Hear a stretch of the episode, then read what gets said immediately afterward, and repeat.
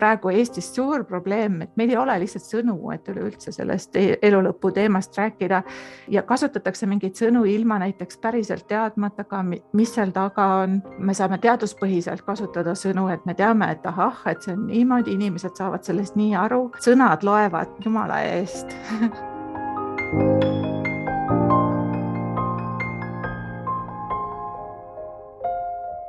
tervitused Tallinnast, minu nimi on Rainer Sterfeld ja te kuulate saatesarja Globaalsed eestlased, kus meie eesmärgiks on luua mälupilt sajast silmapaistvast Eesti inimesest üle maailma, üksteiselt õppida ning tuua meid teineteisele lähemale.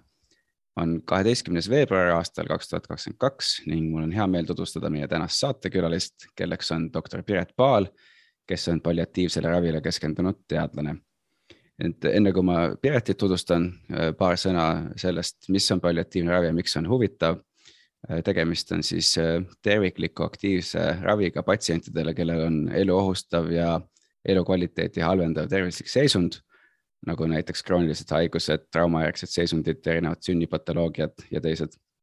ja see on huvitav teema, sest äh, kuivõrd nii inimese keskmine vanus on kasvutrendis, on siis ka eakate osakaal ühiskonnas suurenemas ja seetõttu kasvab näiteks ka kroonilisi haiguseid põdevate inimeste arv, mistõttu siis muutub palliatiivne ravi üha olulisemaks. ja tagasi Pireti tutvustuse juurde, et Piret on sündinud seitsmekümne seitsmendal aastal ja üles kasvanud Põlvamaal Miiaste külas.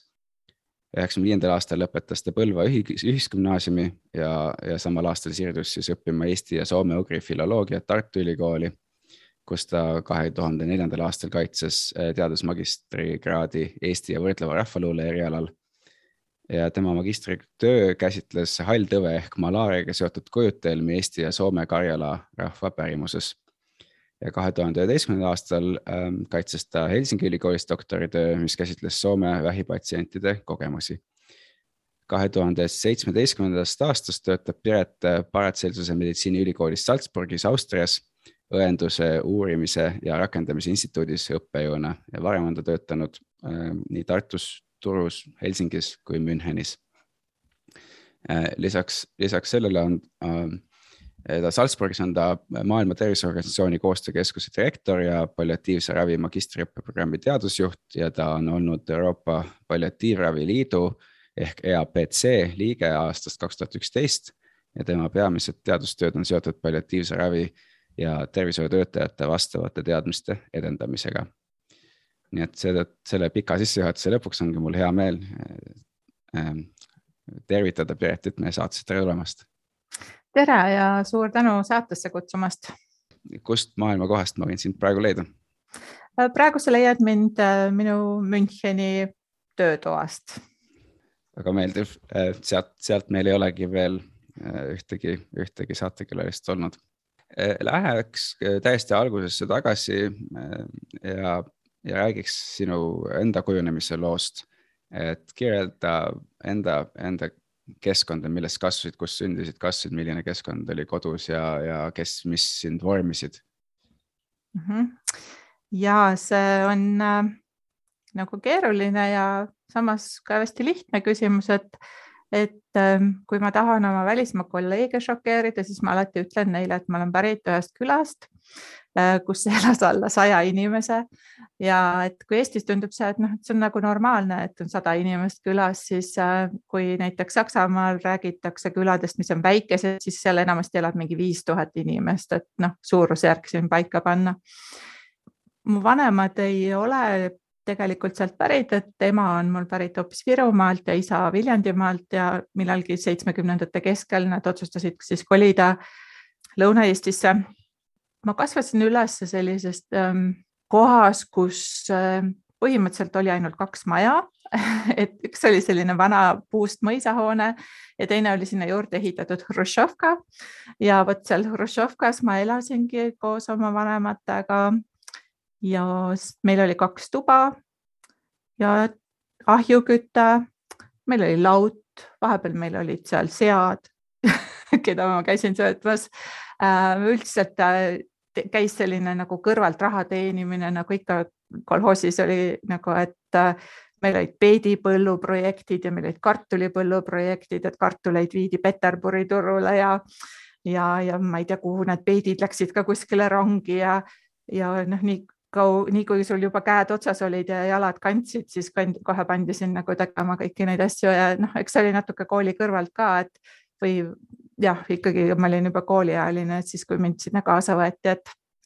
kui nüüd nagu tõesti vanematest natuke rääkida ka, et kes mind on nagu mõjutanud, et siis mu isa alustas nagu autojuhina, viis äh, loomi tapamajja Tartusse, ma mõnikord sõitsin temaga kaasa ja siis me käisime karate poes ja ta ostis mulle kohukest pärast seda. ja siis ma juba näete, olin käinud Põlvast äh, või sealt äh, Miiestast Tartusse, mida mulle tundub, et äh, päris paljud Miieste inimesed tegid hoopis hiljem nagu. ja mu ema oli kõigepealt saanud müüjakoolituse, sest õpetaja oli talle öelnud, et oh, et ega siis tema nüüd ülikooli ei lähe, aga aga hiljem oli öelnud, näed, et miks see laps ei läinud ülikooli ja et see oli võib-olla üks elu õppetund ka, et ikka tuleb ülikooli minna, et isegi kui keegi sinusse ei usu.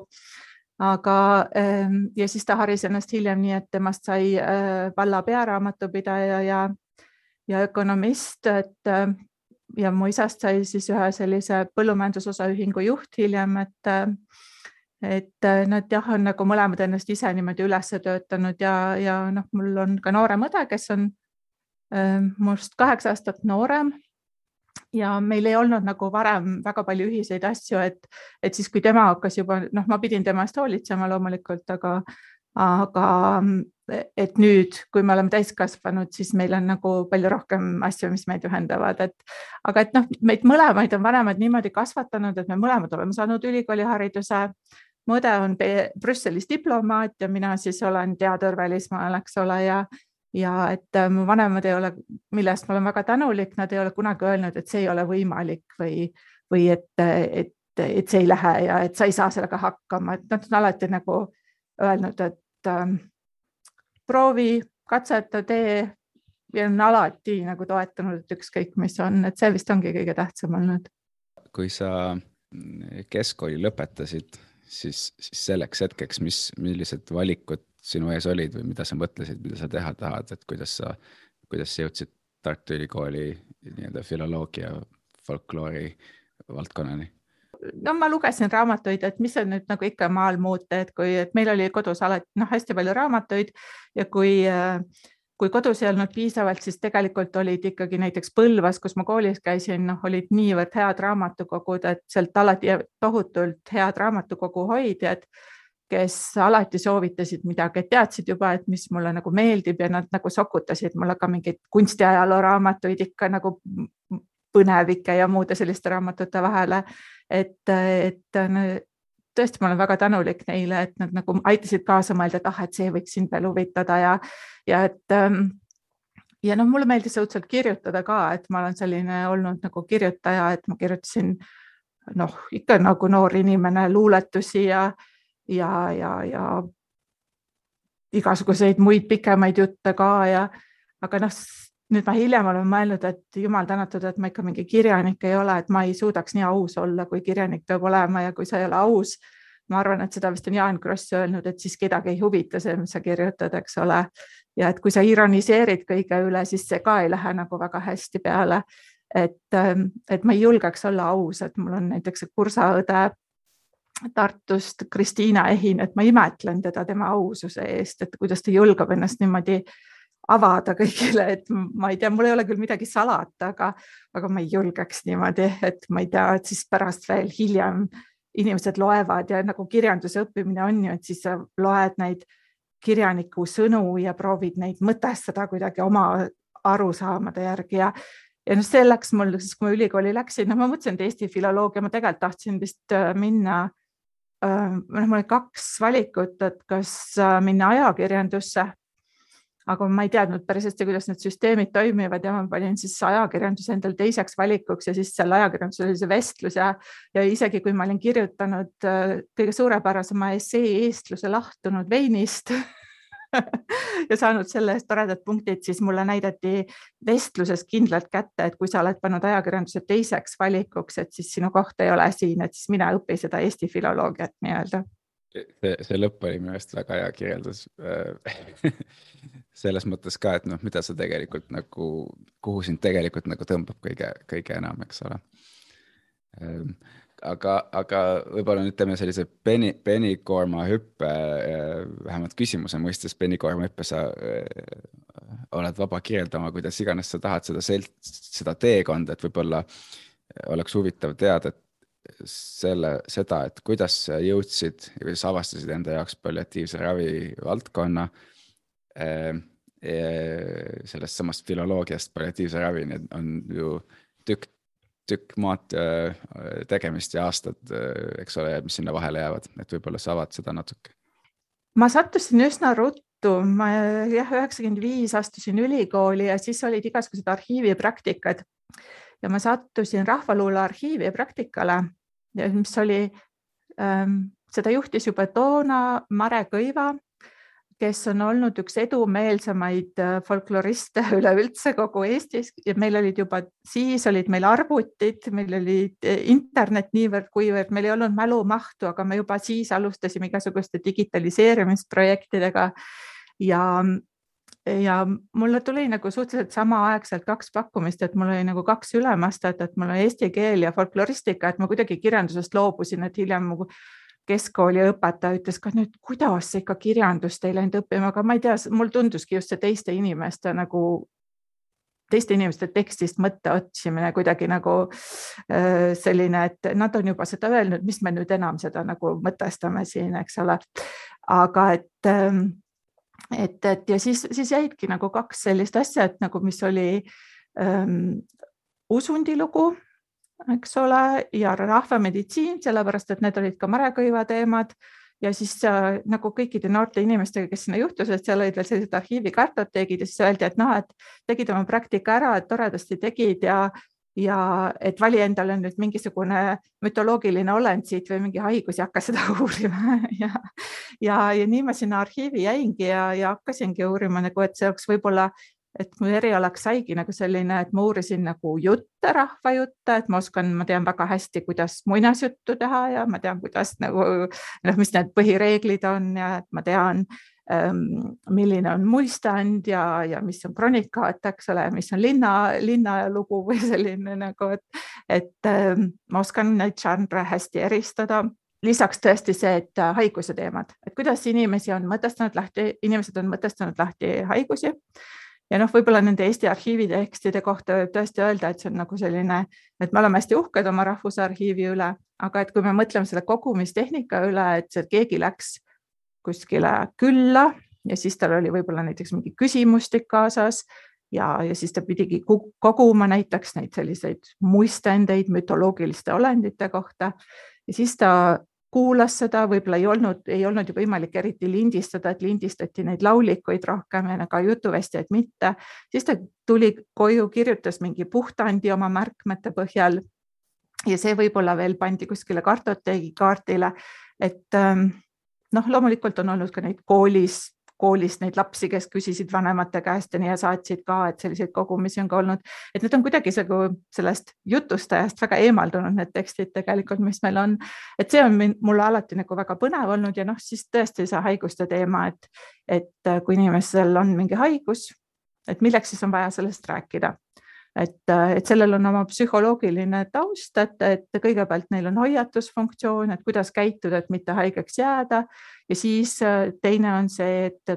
igasuguseid ravimeetodeid nagu edasi anda ja et kuna ei olnud, eks ole, väga palju võimalusi kirja panna seda või siis räägiti selliseid lugusid üksteisele. ja need tunduvad nagu tänapäeval väga koomilised, aga, aga tegelikult on ka väga palju selliseid kirjanduslikke allikaid, kus arstid on neid täpselt samu lugusid põhimõtteliselt natuke erinevate sõnadega edasi rääkinud, aga ma ütlesin, et mul oli nagu kaks valikut, et teine valik oli veel, et minna vana kirjaviisi töörühma ka, aga et kuna ma juba seal Kirjandusmuuseumis kuidagi olin ja see, et see tundus tõesti nagu seal olid noored inimesed igasuguste erinevate taustadega juba siis, et oli selline, seal oli biolooge ja, ja muid selliseid, et, et, et see on alati mulle meeldinud, selline erialade vaheline koostöö ja, ja sinna ma siis jäin mõneks ajaks ja siis ma läksin õppima Turu ülikooli, sest ma mõtlesin, et et et ei saa ju jääda nüüd kogu ajaks sinna kirjandusmuuseumisse, sest et noh, ilmselt ma oleks siis praegu ka veel seal, kui ma ei oleks ära läinud ja siis ma seal ma õppisin veel juurde jututeooriat um,. ja siis äh, tegin ära, läksin Helsingisse veel vahepeal, olin seal, käisin veel Helsingi arhiivis, seal Soome kirjalisus, kirjallisuuden seuran äh, arhiivis äh, töötasin hästi palju ja, ja kui ma siis oma magistritööga valmis sain, siis äh, tuligi see küsimus, et hea küll, et nagu, et see hall tõbi, millest näiteks noh, Andrus Kivirähk on kirjutanud, enamasti kõik teavad koerakaarli halltõbe, aga et ähm, et mis siis tänapäeval oleks selline mütoloogiline haigus, mis, mille kohta inimesed peavad nagu rääkima ja ja siis ma leidsin äh, üks kuus tuhat lehekülge Soome vähipatsientide jutte kes kirjutasid oma vähikogemustest, vähihaigusega seotud kogemustest ja, ja sellest siis saigi minu doktoritöö ja seal juba tulidki need küsi-, nagu just elu lõpuravi, hospiits ja sellised sõnad ette, aga et ma ütlesin endale, et mina ei uuri surma, vaid mina uurin haigusega koos elamist et, et ähm, ja siiamaani on see niimoodi kas siis jõuamegi selle palliatiivse äh, ravi kirjeldamiseni, et äh, mis on palliatiivne ravi, äh, kuidas sa ise kirjeldaksid seda ja, mis on palliatiivse ravi põhimõtted? kui ma nüüd nii-öelda humanitaarteadlasena seda mõtlen, siis minu jaoks on see olnud nagu seda patsientide soovi, mida ma sealt vähilugudes nagu tundsin, et et ei ravitaks ainult nende organeid, vaid et nähtaks neid nagu ka patsiente. et äh, ma arvan, et see on palliatiivravis olemas, et nähakse inimest tema sotsiaalsete, emotsionaalsete, hingeliste vajadustega,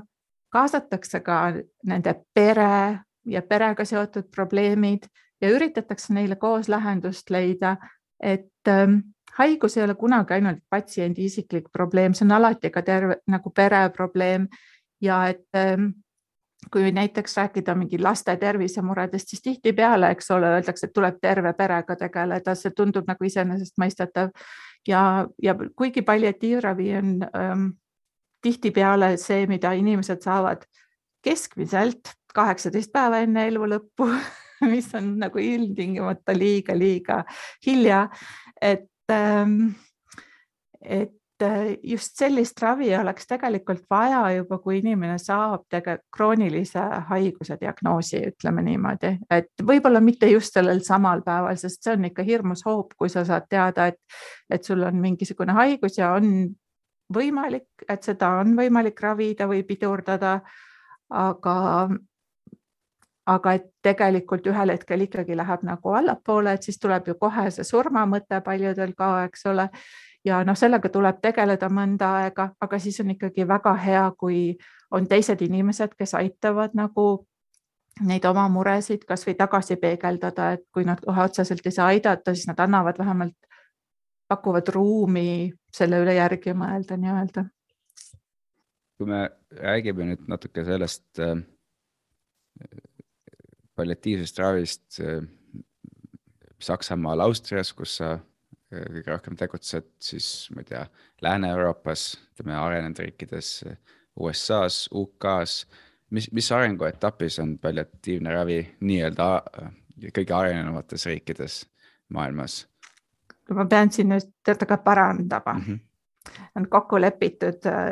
sajandivahetusel või milleeniumi vahetusel, et me ei räägi enam arengumaadest et on inimesed, on maad, mis on ressursivaesemad ja siis on need, mis on ressursirikkamad. seda ma teen oma loengutes ka, ma alati noomin oma õpilasi, kui nad kasutavad seda äh, jah, arengumaa mõistet nagu, aga ma, ma saan aru. see on väga õige täpsustus, et. et igal maal on arengupotentsiaal, eks ja. ole, et, et, et ähm, kui sa nüüd küsid tõesti, et milline maa on kõige parem, siis ma arvan, et äh, kindlasti ikkagi Ühinenud Kuningriigid, sest sealt on saanud see hospiitsi liikumine alguse, aga et ähm, peab ütlema, et globaalselt vaadates on, on väga, on väga hästi arenenud maid, näiteks ka Ida-Euroopas, näiteks Rumeenia. Seal on juba üle kahekümne viie aasta on seal näiteks hospiitsi liikumine olnud, et äh, need inimesed, kes tahavad hospiitsis töötada, neid on koolitatud Inglismaal. Ja ja nad oskavad inglise keelt, nad ei tee ainult oma igapäevast tööd, vaid nad teevad ka teadust ähm, ja arendavad palliatiivravi terve Euroopa tasemel. Sama on näiteks Poolaga, kus on hospiitsi liikumine tegelikult väga heas hoos, sellepärast et äh,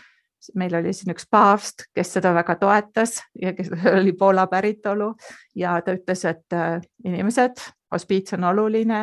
see, kuidas inimesed kogevad oma elu lõppu, on väga oluline, see on ka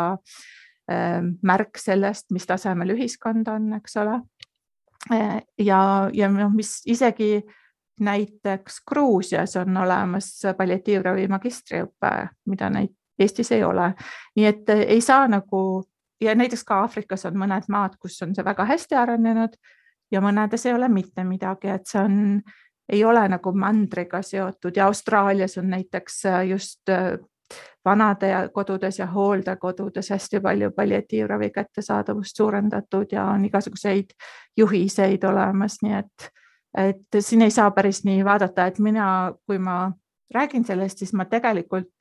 ähm, in, või nagu ütlengi inimestele, et tuleb vaadata regionaalselt, et täitsa siin on niimoodi, et linnas võib olla palliatiivravi väga hästi kättesaadav, võib olla isegi ülepakkumine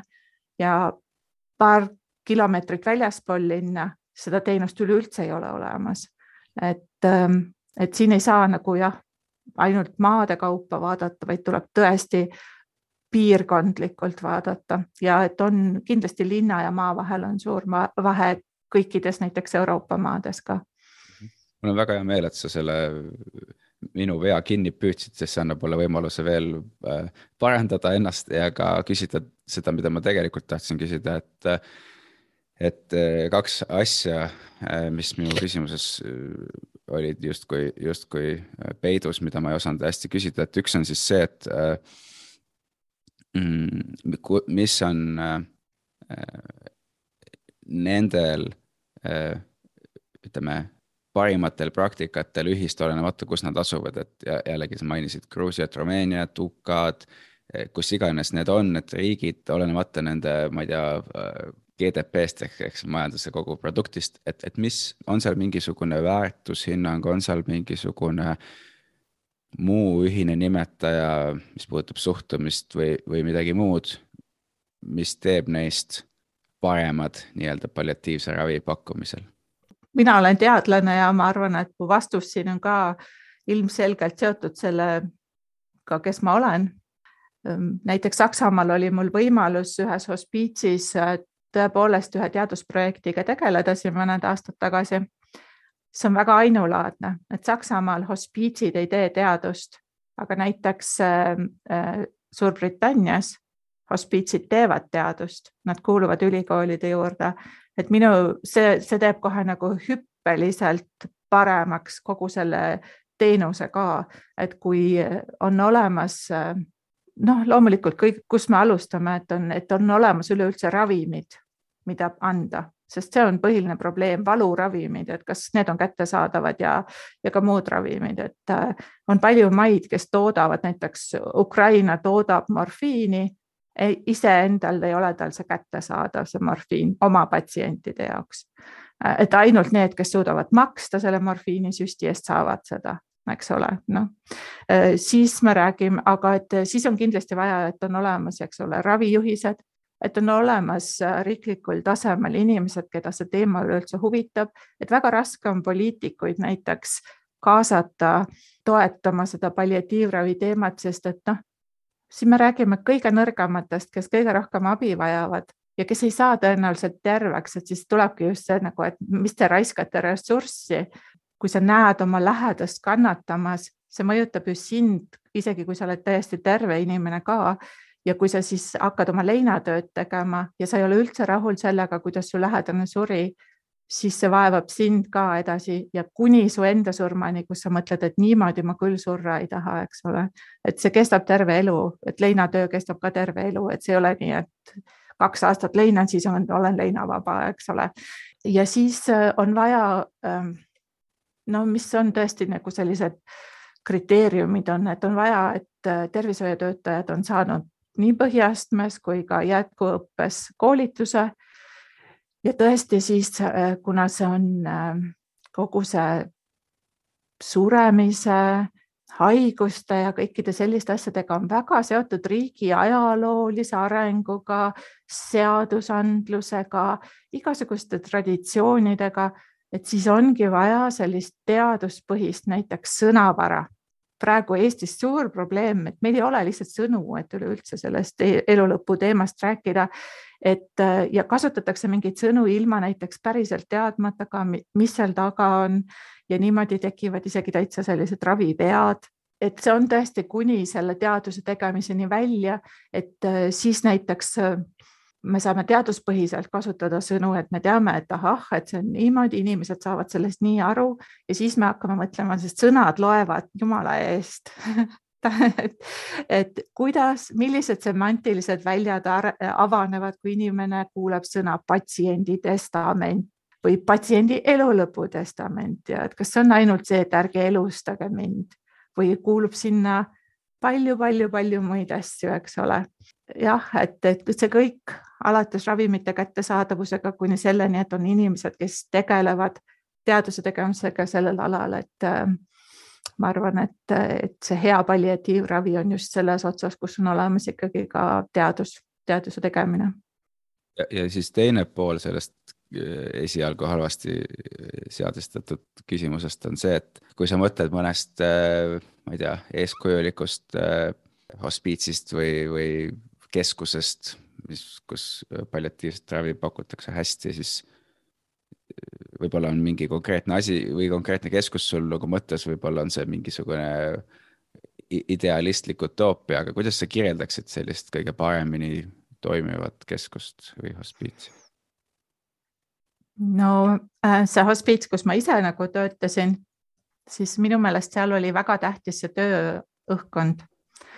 et ähm, see oli selle hospiitsi juhi kõige suurem tugevus, et ta oskas oma tiimi valida inimesed, sa võid ju ette kujutada, et see on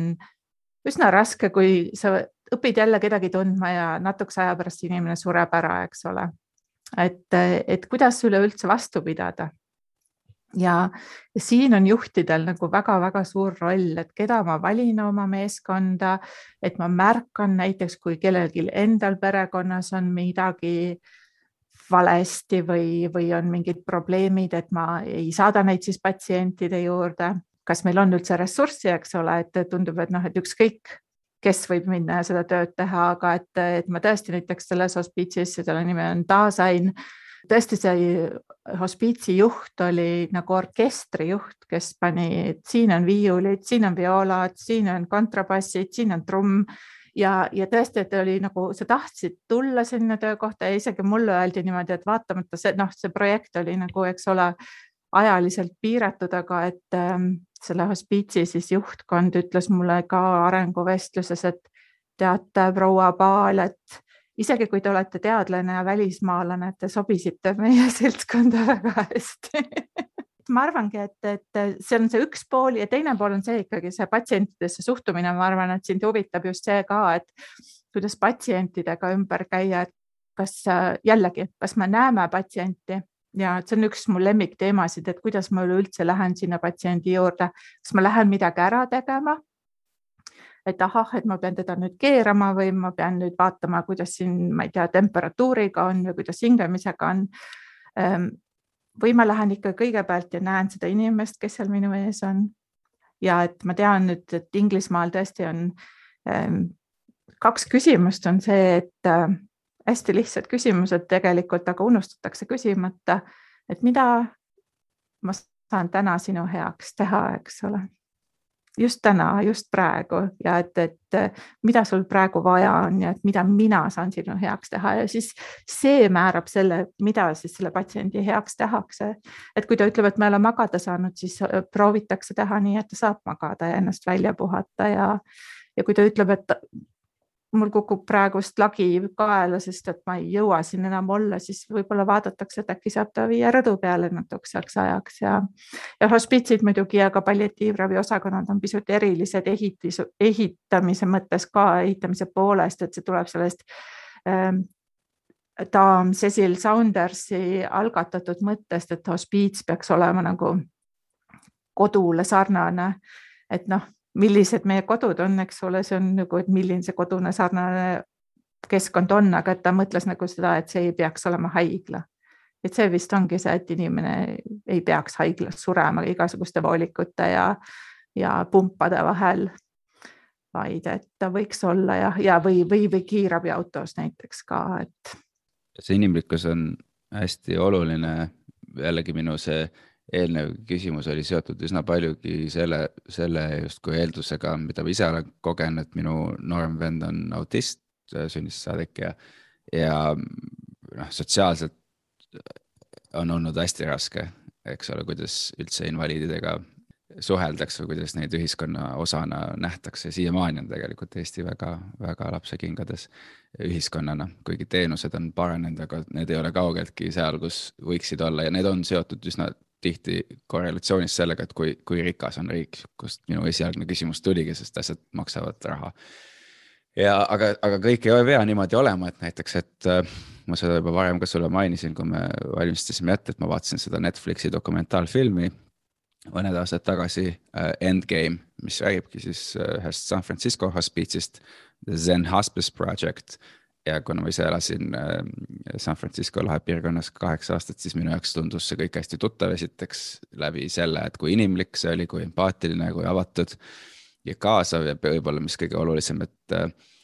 ei eiratud raskeid küsimusi, vaid, vaid pigem vastupidi, et sellega tuleb äh, tegeleda, et siis toimub mingi vabanemine, mingi progress.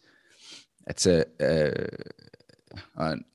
sellepärast huvitav näide, et, et see maja, kus see hospiits oli, oli nagu iga teine San Francisco maja, viktoriaanlik maja, mis on noh, puitsõrestik konstruktsioon, äh, sest seal on maavärinad, aga noh, nad on sisuliselt nagu papist ja, ja jälle tuleme tagasi selle juurde, et, et seal on panustatud inimestesse, mitte betooni. et sa võid samasuguse hospiitsi püsti panna üks peaaegu ükskõik millises sarnases putkas, et need on nagu üsna halva ehituskvaliteediga hooned. et meil, meil kipub olema ja ma ei räägi nüüd üldse sellest valdkonnast, vaid üldse, et, et, et mind häirib kohutavalt, et me arvame, et me paneme rohkem raha betooni, et siis kohe kuidagi kogu elu läheb paremaks, aga tegelikult lõpuks on ikkagi kõik inimesed jah, sul on õigus selles mõttes, et palliatiivravi pakutakse ka Indias näiteks, ka Indias on hospiitseid olemas ja ja, ja palliatiivraviteenus ja ja noh, seal on nagu palju rohkem inimesi, eks ole, kui nüüd ütleme, võrdleme Eestiga väga palju rohkem, et aga et ehm, kui on hea tahtmine, siis on võimalik äh, kõike teha, ma arvan. ja et ongi nagu tore, et Eestis on inimesi, kes äh, osaliselt äh, muidugi ka välismaalt tulnud toetuse abil on hakanud igasuguseid diakona, eh, diakoonia haiglaid panema, no või need on juba tükk aega olnud, et norrakad on toetanud ja soomlased on toetanud ja on koolitanud Eesti arste ka, et, et üleüldse eh, selline, meil on juba eh, päris, no mitte kahtekümmend aastat ei ole, aga on selline organisatsioon nagu Pallium Eestis olemas tegelikult, et, et, et Eestis on olemas see liikumine, aga aga no pikk tee on veel käia ja just nimelt, kui sa räägid sellest suhtumisest inimestesse, siis võib-olla me ei peagi vaatama nagu, et kui inimene on haige või vigane või et küsimus on see, et kuidas me üleüldse igapäevaselt suhtleme ja, ja kas me nagu oskame öelda inimesele häid sõnu. ma arvan, et see on üks selline asi, mis, mis ei ole eestlastel nagu see kiitmine ei ole üldse kombeks, et, et et ma ei tea, sellest on juba Uku Masing ka kirjutanud, et meil, Masing kirjutanud, et meil on, see on juba väga-väga ammu, et Eestis on selline laibakultuur, et kui inimene on surnud, siis tullakse lillede ja tulede ja viledega ja austatakse ja öeldakse, et milline tore inimene see oli, aga et kui inimene elab, siis äh, ma arvan, et see on natuke muutunud ka, et eks see ühiskond ikka muutub, aga et ikka väga raske on seda head sõna niimoodi, et pilguga ütled, eks ole, tuleb meil kõigil meelde Arno Tali, kes pilguga tänab ja nii, aga et, asjad, mis ei ole sõnadesse pandud, neid nagu ikka ei ole olemas ka, et, et see puudutab nüüd nii-öelda seda tänamist, üksteisega suhtlemist ähm,, aga ka näiteks teemasid, eks ole, millest ühiskonnas ei räägita, et, et kui ei ole sõnu, siis ei ole nagu ka küsimust ja probleemi ja, ja et, et noh, et surmateemast kõneleda näiteks, et, et ma arvan et, et viiskümmend protsenti inimestest, seda ma alati ütlen ka, et meil on üks suur äh, Ehm, meil on selline probleem, et, et kui me tahame näiteks intervjuusid teha, siis isegi patsientidega, noh, et viiskümmend protsenti ei taha rääkida sellest, isegi kui nad väga hästi teavad, et nad surevad ära, aga nad lihtsalt ei osale meie uurimustes jah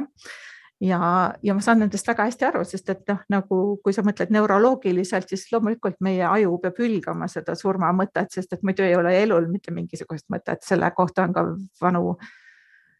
rahvaluules juba jutt, et miks inimene ei peaks teadma, millal ta sureb, eks ole, ja, ja, ja aga teiselt poolt on see, et ähm, on ka palju kultuure, kus öeldakse, näiteks Korea tuleb siin meelde,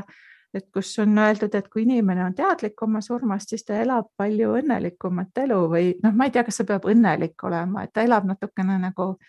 põhjalikumalt äkki ütleme nii, sest see õnn on ju väga suhteline õnne, me ei me ei tunne ära, kui me ei ole õnnetud ja, ja nii edasi, aga jah, et kuidagi võib-olla on sellel elul rohkem sügavust. see memento mori mõttelaad minu arust on nagu üsna, üsna mõistlik. Eestlased on ju, me, me arvestame endast mõelda kui stoilisest rahvast, mida me ka oleme, aga siis, kui me juba päriselt stoikud peaksime olema, siis me peaksime mõtlema ka sellest, et, et mäletama, et me sureme, nii et ehk, ehk aitab see meil olla ka parem äh, inimesena. Sa mainisid keelt näiteks,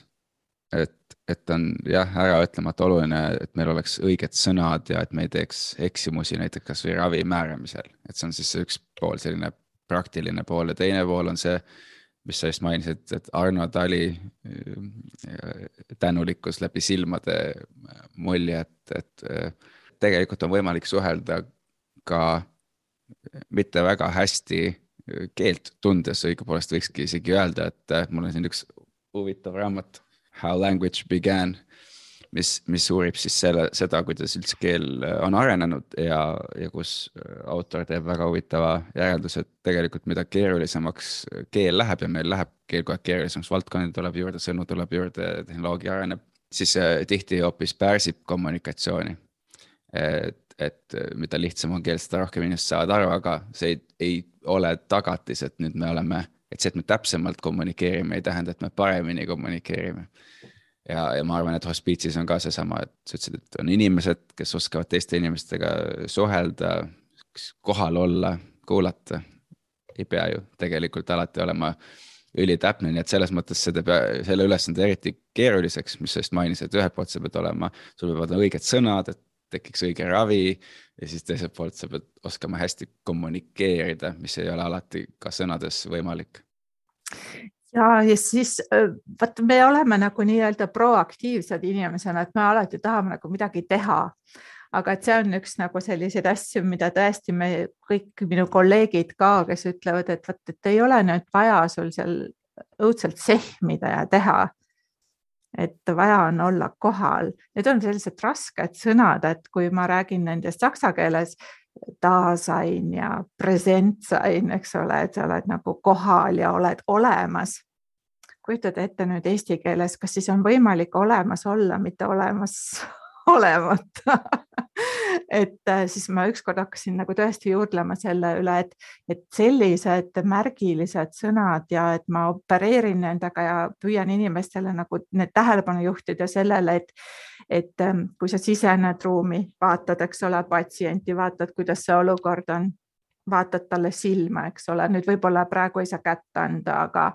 aga et äh, puudutus on üks asi, see on isiklik asi, kõiki ei tohi ka puudutada, eks ole, mõned ei taha üleüldse seda. ja siis, kui inimene on seal ruumis, siis tal on hirmus tahtmine alati teha midagi, sellepärast et on ju tööl. ja tööl tehakse midagi. Aga et siis õpetada olemasolemist ja kohalolemist ja kuulamist ja mitte ilmtingimata kohe, et ah oh,, mis sa nüüd või et noh, kui keegi ükskord ma kuulasin, olin äh, varjuna kaasas ühe õega ja, ja kui siis patsient ütleb, et või õde küsib, et noh, et mis su naine ka kodus teeb ja, ja siis mees ütleb, et äh, nutab. ja siis hoidja ütles või noh, hooldaja ütles, et oh, hakkas naerma selle peale, siis minul oli nagu teises ruumis, kus ma kõrval olin nagu, et appi, mis nüüd toimub, eks ole, et ähm, vot selliseid olukordi tuleb tihti ette ja pärast muidugi tagantjärgi oleme me targemad ja mõtleme, et oi, et miks ma siis nii reageerisin, aga et just, et olla nagu mitteteadev, mitte vastav, aga siiski kohalolev, eks ole, ja, ja, ja tähelepanelik. Ja kui inimene on juba palju aastaid olnud haige ja lamab seal ja mõtleb, et mida ma üldse väärt olen ja kas ma olen üldse inimene Äh, või, või mis on saanud minu sellest individuaalsusest, eks ole, kui ma ei tööta, kui ma ei tooda midagi, kui olen lihtsalt siin, kas ma üleüldse olen olemas. Ja tänu sellele, et teine inimene tuleb, ta annab äh, sulle selle sinu vaatamisega, sinu märkamisega tegelikult selle tugeva signaali, et sa elad oma sotsiaalset elu edasi ja oled tähtis ja oled olemas, isegi kui sa oled hästi haavatavas olukorras. kui sa mõtled äh, selle valdkonna arengu peale ja loomulikult erinevates riikides erinevad kultuurid, erinevad rahalised võimalused ja muu säärane, kasvõi näiteks seadusandlus, kõiki neid asju arvestades, et millised on sellised peamised väljakutsed, mis pärsivad valdkonna arengut? kahe tuhande kaheksateistkümnendal aastal võeti tegelikult võib-olla mõnedele kuulajatele tuleb tuttav ette see Alma Ata nagu leping umbes nelikümmend kaks aastat tagasi võeti vastu ja, ja nelikümmend aastat hiljem, siis kaks tuhat kaheksateist ähm, ähm, oli Astanas äh, järgmine kokkusaamine tähtis, kus siis äh, pandi sihid nagu, mis on teot, seotud inimeste tervisega paika ja, ja sada üheksakümmend kolm maailma Tervishoiuorganisatsiooni liikmesriiki või toetajariiki kirjutasid sellele alla. Ja seal on nagu, on nüüd muidugi palju teisi dokumente ka, aga seal on kirjas, et et palliatiivravi lisaks preventatsioonile, eks ole, haiguste ennetamisele haiguste ravimisele ja rehabilitatsioonile, taastusravile, et peab olema kättesaadav ka palliatiivravi. ja ähm, see peab olema rahva tervise osa aga praegust on tihti ikkagi hospiitsid ja tihtipeale ka noh, palliatiivravi osakonnad vähem elavad tegelikult äh, filantroopide toetusest. Ja, ja see siis äh, ongi vist üks suurimaid probleeme, et ähm, kas näiteks selline asi nagu Haigekassa kindlustus äh, katavad need hospiitsikulud, palliatiivravikulud või siis, kui sa oled näiteks vanadekodus, et kas, kas sul on juurdepääs palliatiivravile, eks ole. ja, ja et kas seal käivad siis need inimesed, kes oskavad sulle anda korralikku valuravi. Et sa võid saada kõige parema hoolduse, aga kui sul, kui sul valutab, siis sul ikkagi nagu elukvaliteeti ei ole ja et, et noh, sellega on seotud ka igasuguseid, seda nimetatakse Äh, tugevate valuvaigistitega seotud foobiateks, et mida on paljudel tervishoiutöötajatel, et on ikkagi, et kui sa nüüd annad kellelegi morfiini või, või mingit äh, selle ekvivalenti, et siis nad ju satuvad sellest sõltuvusse. Aga seda muret ei peaks nagu olema tegelikult, et ähm, et elu lõpus inimene enam ei satu sõltuvusse sellest ja et kui ta valu ära võtab, siis sa saad ennast jällegi liigutada ja tegutseda. selle, sa oled elanud kaua aega Ameerikas, sa tead selle, selle varju poolt muidugi ka, et, et kui liiga vara antakse neid tugevaid valuvaigisteid, siis inimesed satuvad nendest sõltuvusse. aga et siin tuleb nagu vahet teha, et kas, kas tegemist on näiteks no Inglismaal antakse tegelikult ka palliatiivpatsientidele heroiini, et äh, see võib olla huvitav teada,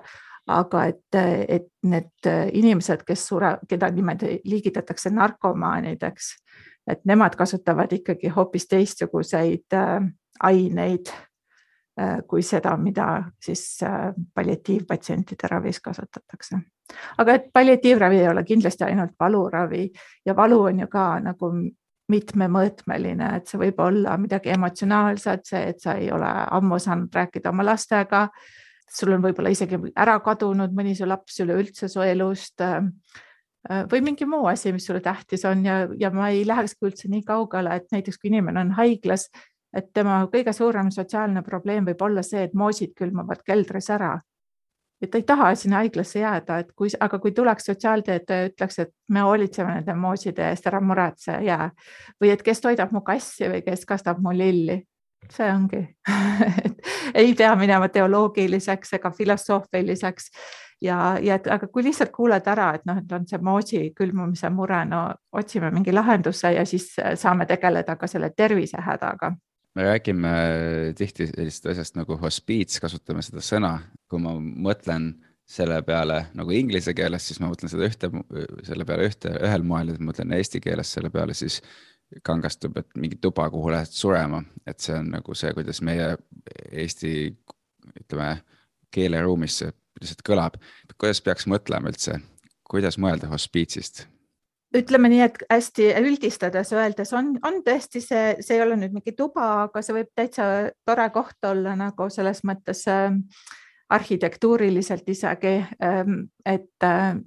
kuna see on filantroopide toetusel äh, tegutsev haru nagu, eks ole, siis on need ehitised mõnikord väga lahedad, et seal on aiad ja kuhu saab välja minna ja igasuguseid selliseid võimalusi, mida haiglas tõesti ei ole. aga ega sa hospiitsi ei pääsegi teistmoodi, kui on nagu ilmselge, et kuna hospiitside, äh, hospiitsi kohtade arv on piiratud, siis näiteks Ameerikas ka see Medicare ütleb, et sa pead surema ära kuue kuu jooksul ja see on inimestele tegelikult väga suur väljakutse, sest hospiitsis need inimesed, keda ma ka olen kohanud hospiitsis, äh, nemad ähm, ütlevad, et äh, ma sain otse kui tiivad siin, et mul järsku on palju parem eks ole, ja et, et nad lausa ei usugi, et nad vist surevad ära, et, et sest neil on järsku nii palju parem, sest nende eest hoolitsetakse. aga et fakt on see, et arst peab ikkagi andma välja sellise tõendi, et tegemist on surijaga ja see on see, see viimane pingutus veel, et saad sinna hospiitsi sisse, et siis sa selle kuue kuu jooksul ära ka sured et see kõlab nagu väga hirmsalt, eks ole, aga et teadmatus sellest, mida hospiits pakub ja natuke see võõrastamine ka, et, et hospiits ongi mingi jube koht nagu mingi vaestemaja, eks ole, või mingi, mingi selline orbude kodu või ma ei tea, midagi sellist nagu, et või kuhu keegi ei taha minna. et, ähm, et see takistab inimesi loomulikult siis on natuke ka hirm see, et äkki hospiitsis aidatakse minu suremisele kaasa, see kindlasti ei ole niimoodi. et äh, need inimesed, kes saavad palliatiivravi, on tehtud ka selliseid uuringuid, et äh, kes saavad äh, paralleelselt palliatiivravi ja näiteks vähiravi, elavad need inimesed, kes palliatiivravi saavad tegelikult kauem isegi.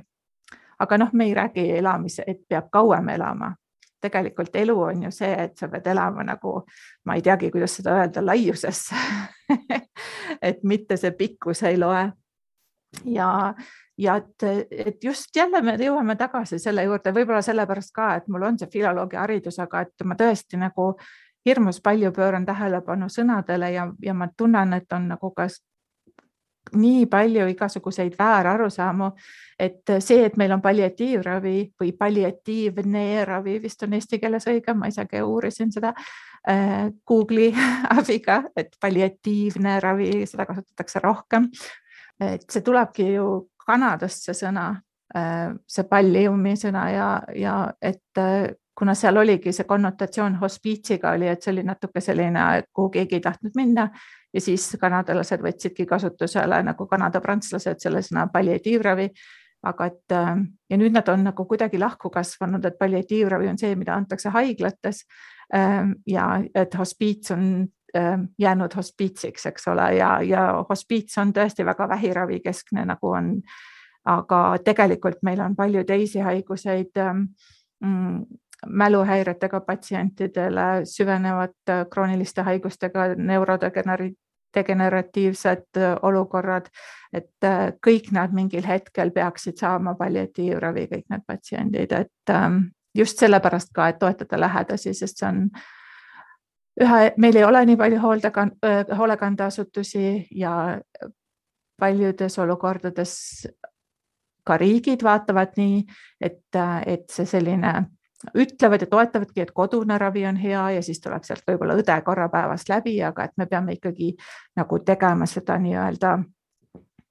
community põhist palliatiivravi, kus inimesed siis, kes elavad mingid teatuskohas koos, toetavad üksteist ja, ja ka näiteks sellises olukorras siis, kus keegi on krooniliselt haige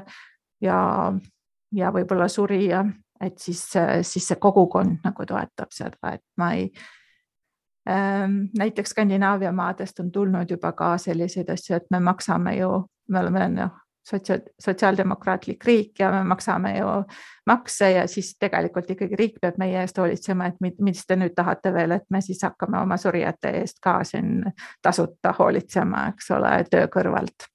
et äh, mõnedes riikides see tundub olevat sobiv modell, aga teistes riikides ma ei näe sellel eriti tulevikku. seda, seda kuulates tegelikult äh, isegi natuke on imelik, et me peame sellest rääkima, sellepärast et kui inimene sünnib, siis me saame hästi palju eh, tuge ja mida kõike ei saa riigi toel, eh, kui alates sünnitusmajast kuni noh, esialg, esimeste aastateni. et see algus oleks võimalikult hea ja, ja kui võtta nüüd selline jällegi eh, startup ilik või spordi analoogia, et noh, et, et, et, et, et alustada ju võib, aga korralik lõpetamine on ka nagu väga oluline, et et, et miks me siis nagu oma elust seda nagu ei võiks samamoodi mitte lihtsalt oodata, vaid, vaid pidada täiesti loomulikuks, et nii peabki olema, mitte jätta seda kuidagi niimoodi laokile, et sa nagunii ju sured ära, mis vahet seal on. et, et siis juba algusest lõpuni võiks ju elada nagu võimalikult hästi, eriti alguses ja lõpus, et siis nagu asi kokku võtta, et see lihtsalt kuulan seda, mida sa räägid ja mõtlen, et noh, et kuidas see ikka on nii, et me peame sellest ikka rääkima no vist see on ikkagi see tõesti, mis ma ütlen, et see on, võib-olla see ongi nagu, et me kaotaks elu mõtte, kui me mhm. hakkaks mõtlema kogu aeg surmast tõenäoliselt mm -hmm. jah, et kui ma nagunii suren ära, no mis ma ikka, mis ma lähen sinna kooli, mis ma pingutan, mis mm -hmm. ma mhm. teen oma tööd, eks ole, aga aga et kui ja siis ongi raske nagu leppida selle mõttega ka isegi kui sa oled ju täitsa terve ja ei noh, näiteks kui me mõtleme äh, Äh, hoopis natuke teise valdkonna peale, kus ma olen ka pisut tegelenud, on ju doonorlus, eks ole, ja, ja organite siirdamine. no äh, seal on see usk ja lootus, et kõik läheb hästi ju väga suur, et seal elatakse sellest, noh, ma arvan, paljud on filmidest kasvõi näinud, et oo, et nüüd tuleb uus maks ja saime veel viimasel hetkel sealt nimekirjast selle maksa kuidagi kätte ja, ja siirdame selle ära. aga siis harvemini nendes filmides tuleb ette nagu neid tüsistusi ja et need inimesed, kes töötavad siis äh, seal organidoonorluse valdkonnas, nad ütlevadki, et see on nagu õnnistuse ja katastroofi vahepeal olemine. ja et siis tulebki see küsimus ka, et, äh, et hea küll, et operatsioon läks nagu juba hästi ja kõik on rõõmsad, aga siis tulevad alles need tüsistused, ravid, kõik asjad, mis ole ja selleks ei ole keegi ette valmistanud, kuni selle viimase hetkeni on elatud teadmises, et nüüd me saime selle organi ja nüüd on kõik hästi. aga tegelikult muidugi ideaalses maailmas peaks juba enne ka rääkima täpselt testamendi tegemisest, mis siis ikkagi juhtub, kui ei lähe hästi, see kõik? Ja see jätab nii lähedased patsiendi enda juhul, kui ta veel saab sellest osa ja ka need inimesed, kes töötavad selles keskkonnas ikkagi suhteliselt niimoodi õhku rippuma, et, et kui lähevad asjad halvasti, siis ei ole olemas struktuure, mis kannaksid, et, et, et jah, lihtsalt võrdluseks, et ka seal elatakse elu ja surma vahepeal kogu aeg, eks ole. et ja kellegi teise surm otsekui aitab elule kaasa ja see tundub ju nii isegi väga inimlik ja ilus ja ähm, aga et äh, ka seal võib palju valesti minna ja, ja et see tulemus ei pea, ei ole ilmtingimata selline, nagu siis kõik loodavad ja just see usk ja lootus on nii suur ja, ja, ja siis see kukkumine on päris, päris raske, sest kõik asjad on ette valmistamata. veel kaks aspekti selle äh, palliatiivse ravi osas, et üks on siis äh, spirituaalsus ja palliatiivne ravi kuidas, kuidas on need seotud?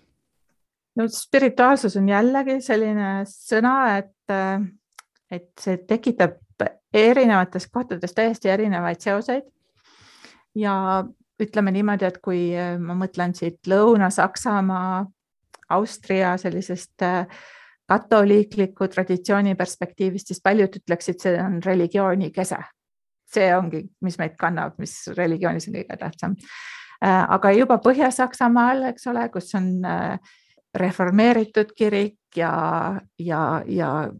luteri usk nagu Eestis ka ikkagi domineerivam usu, usu, usu, usuliikumine, siis äh, võib see olla hoopis midagi muud. Ja paljudele jaoks on spirituaalsus täielik, näiteks ka esoteerika, mida on ju väga palju ka, et usutakse nagu absoluutselt kõike ja jääb päris segaseks, et kus, kust see kõik tuleb, et, et mu kolleeg, kes on teoloogiaprofessor Münsteri ülikoolis, ütle, on öelnud, et nagu ka elukvaliteediga, et ka spirituaalsus on täpselt see, mida patsient ütleb, et see on, eks ole. et kui mõne jaoks on see loodusega üks olemine, see on paljude jaoks väga-väga oluline. Mõnede jaoks on see tegutsemine nii-öelda enese keskkohast, eks ole, või ruumi andmine enese kasvõi hingamise kuulamiseks, et kas ma märkan üldse, et ma tegelikult vajan õhku selleks, et elada ja tegutseda. ja jah, see suhe teiste inimestega, suhe loodusega ja see võib olla ka suhe religiooniga ja need kõik on väga tähtsad selles mõttes, et, et, et on haiglas ikkagi nagu üleüldse spirituaalsusest rääkimine on tavaliselt ehmatab inimesed ära, et kui tuleb, et noh,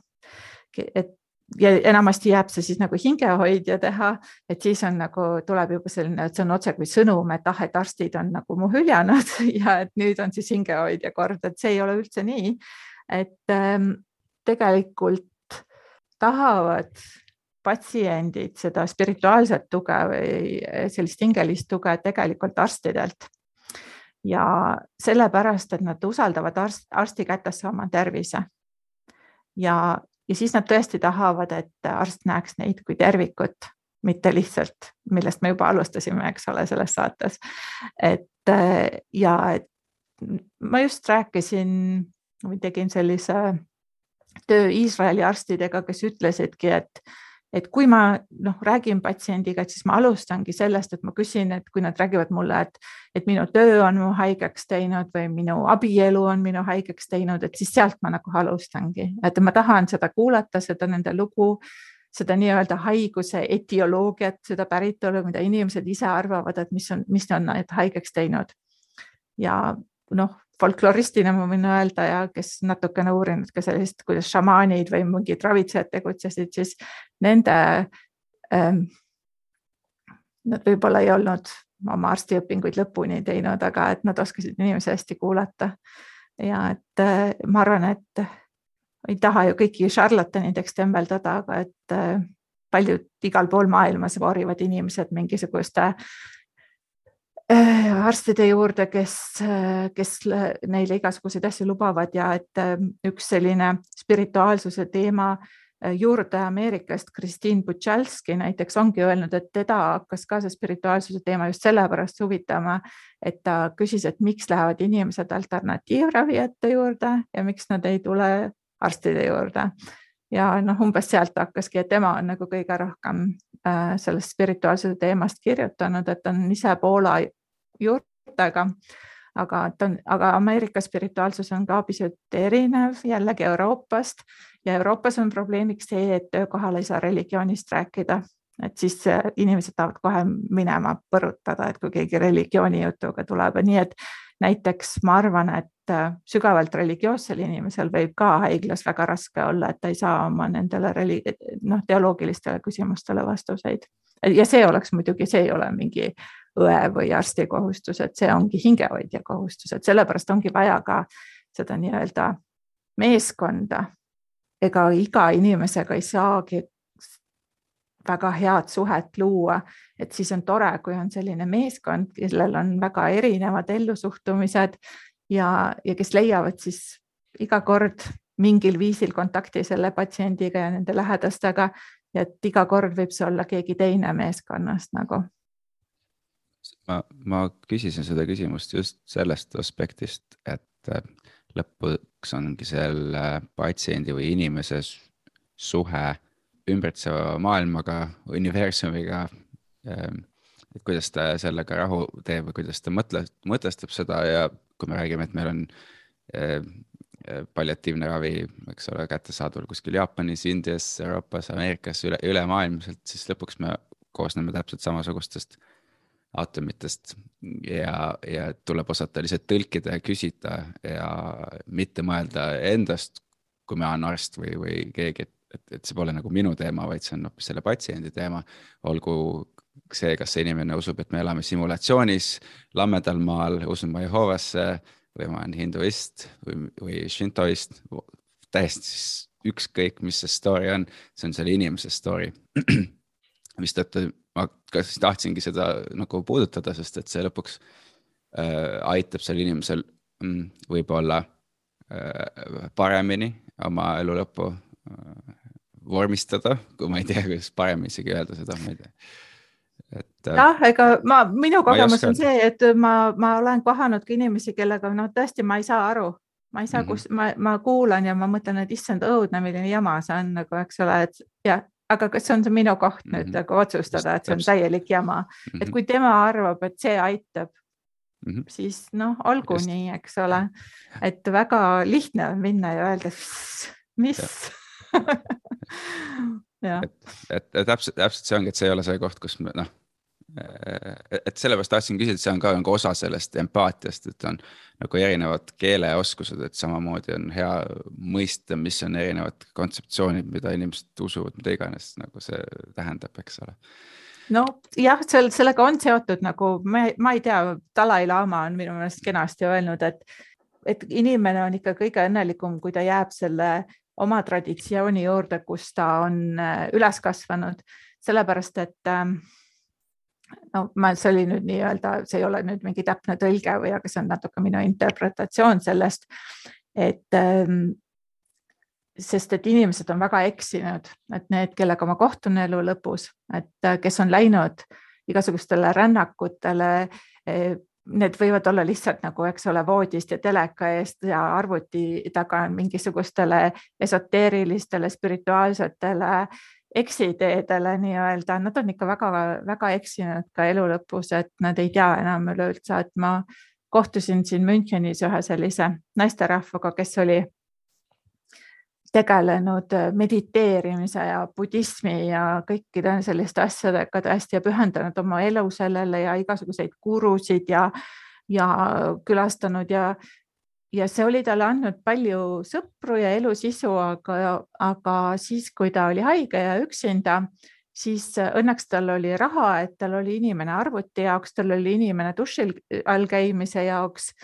aga mediteerida ta enam ei jaksanud, sest ta ei suutnud lihtsalt nagu ennast kokku võtta selleks, et mediteerida.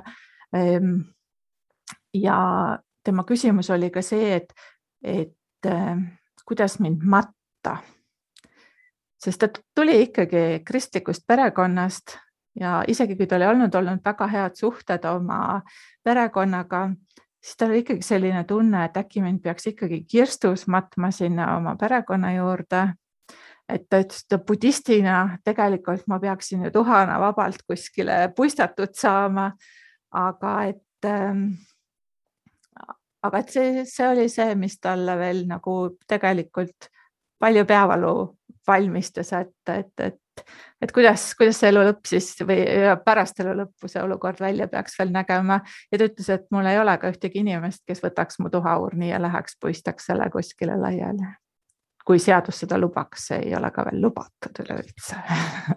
ja kui me räägime seadustest, siis see teine küsimus, mis ma tahtsin veel küsida selle valdkonnaga seoses, on äh, eutanaasia ja hospiits. ja no see on nüüd selline teema, et ega me tulevikku vaadates ilmselt sellest mööda ei saa, et me järjest näeme, kuidas riigid võtavad vastu neid eutanaasia seadusi või vähemalt äh, mingil määral, et patsiendid saavad endalt elu võtta. ja et neile kirjutatakse ravimid, et see täna käesoleval aastal, siis me räägime kakskümmend, kakskümmend kaks, just Austrias võeti see seadus vastu. aga kuidagi kiirustades ja ei ole päris selge, kuidas see asi nüüd toimima hakkab, eks ole. seal on väga palju tingimusi ja juba on ainult välja valitud üks ravim ja mu kolleegid on suures mures, et kuidas on nende inimestega, kes ei saa seda ravimit näiteks alla neelata korralikult. Ähm, ja, ja kelle organid võib-olla ei tööta, et mis siis on, kui nad ei suregi ühe korraga ära, et kas siis kutsuda jälle kiirabi või? Vot, et see võib nii keeruliseks ära minna, et me tahame küll seda vabadust, aga, aga see võib olla päris keerukas ja kurnav siis meelelähedastele, eks ole. Ja, ja, ja aga jah, et hospiitsid ähm, ja ka siis võib-olla, et ome, ma juba mainisin Cecil Saundersit, aga et mainime siis Elizabeth Kübler-Rossi ka, eks ole, kes tuli oma selle surmamudeliga või nende faasidega võib-olla, mis on kõigile tuttavad, et alguses me ei taha nagu tunnistada, et see olukord on nii, siis me hakkame, see ei käi muidugi niimoodi lineaarselt, aga et see tuleb tihti, et me proovime siis kuidagi läbirääkimisi pidada, et äkki ikka kuidagi nagu vahetaks, teeks mingi vahetuskauba ja et siis ei tule see surm, eks ole, et kui ma käitun nii, et siis saame seda kuidagi edasi lükata. Ja, ja siis jah, see eutanaasia liikumine, mis Hollandist alguse sai kaheksakümnendatel aastatel, et see legaliseeriti, eks ole, ja nüüd on Šveitsis muidugi, et Eesti kirjand- äh,, ajakirjandusest käib ka see Šveitsi teema tihtipeale läbi, kui on näiteks äh, ALS või, või mingi selline haigus, et siis äh, kogutakse raha ja minnakse Šveitsi surema. Äh, šveitslased on isegi välja mõelnud sellise kapsli, mille sa võid 3D printerist välja printida, kui sa oled saanud siis selle loa ennast tappa. ja et siis sa võid prindid selle kodus välja ja see ei ole veel nagu ametlikult turul, aga, aga ootused on suured, et, siis põhimõtteliselt see on selline kodune gaasikamber, nagu sa ilmselt mu jutust aru saad, ma ei ole nagu väga selle pooldaja, et, et tervishoid peaks tege, tegelema inimeste tapmisega, ükskõik, mis siis see olukord on, et saan aru, et ma tahan olla autonoomne ja ma tahan, et mul on otsustamisvõimalus ja mul on valikuvõimalus. aga tihtipeale inimesed haaravad selle võimaluse järele, sellepärast et neile tundub, et, et nad jäävad lihtsalt oma perele koormaks ja et, et selle olukorraga ei saada hakkama. ja, ja, ja kui siis see võimalus on see eutanaasia võimalus või siis suitsiidi mõtted, eks ole, just naistel näiteks tihtipeale, kes on näiteks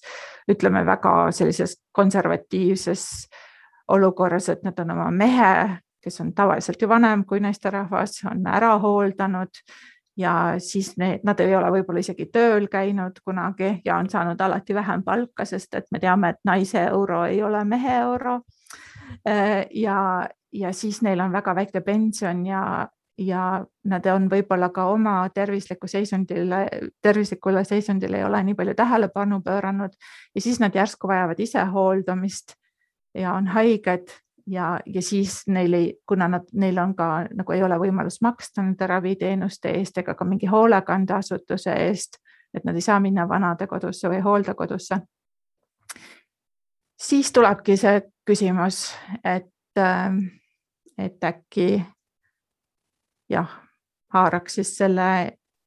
selle võimaluse järgi ja ja, ja noh, näed, et siin on tegemist sotsiaalse, sotsiaalpoliitilise, majandusliku küsimusega, et sellel ei pruugi üleüldse selle haigusega ja inimese tervisliku seisundiga midagi pistmist olla. kui sa mõtled palliatiivse ravi tuleviku peale, milline see võiks olla, milline on näiteks, ma ei tea, personaalmeditsiini ja tehnoloogia roll selles? Ma ei ole päris täpselt selle või väga palju selle peale mõelnud, sest et noh, ma olen mõelnud, minu käest on küsitud, et, et noh, et kui on need robotid, kes nüüd hoolitsevad, et, et õdesid on nagu vähe, me teame, et meil on personalipuudus ja õed moodustavad umbes kaheksakümmend protsenti personalist tervishoius kogu maailmas, eks ole. ja, ja kui noh, kui nüüd tulevad robotid, kes siis mõõdavad ära, ma ei tea, vererõhu ja veresuhkru ja kõik sellised asjad, et noh, mis siis õde peaks nagu tegema et, et siis mina olen alati mõelnud, et siis olekski õdedel just aega istuda ja olla nagu patsiendiga ja nendega juttu rääkida, võib-olla kui see võimalik on või lihtsalt olla seal, et see patsient saaks magada. et ma ei suuda endale ette kujutada olukorda, kus oleks ähm, võimalik palliatiivravi osutada ilma inimressursita, kuidagi on noh, lapsed ei saa ka sündida ilma emata või no saavad, eks ole, aga et kas me tahame, et nad sünnivad niimoodi. et äh, ma ei tea, võib-olla see on see minu konservatiivsus seal Lõuna-Eestist, mis nüüd praegu välja lõi niimoodi ma ei tea, ma ei ole kindel, sellepärast et ma olen ise ilmselgelt automatiseerimise ja optimeerimise poolt seal, kus inimese töö pole nagu liiga väärtuslik või, või noh, et, et kogu eesmärk on see, et inimene saaks teha väärtuslikku tööd ja kahtlemata, kui me räägime palliatiivsest ravist ja hospiitsist, siis inimene on väärtuslik. et kasvõi seesama ülimalt vananeva ühiskonnaga Jaapan, mis on ülimalt automatiseeritud ja optimeeritud, siis, siis ikkagi äh, meditsiinis äh, küll on kasutusel robotid, siis inimese roll seal on nagu kohutavalt tähtis. isegi, isegi nii-öelda on topelttöökohad või topeltinimesed sama, samal ametil. jah, ja, ja, ja noh, rääkimata sellest, et äh, paljudes hoolekandeasutustes on inimesed, inimestel lihtsalt igav ja, ja nad tunnevad ennast isoleerituna ja ja, ja noh, loomulikult on võimalik teha mingeid äh, virtuaalseid äh, Äh, koskesid ja, ja virtuaalseid rongisõite ja, ja noh, võib-olla see, see on kindlasti ka tore nagu, et istud seal oma sööklas ja siis maastik vuhiseb mööda ja nagu,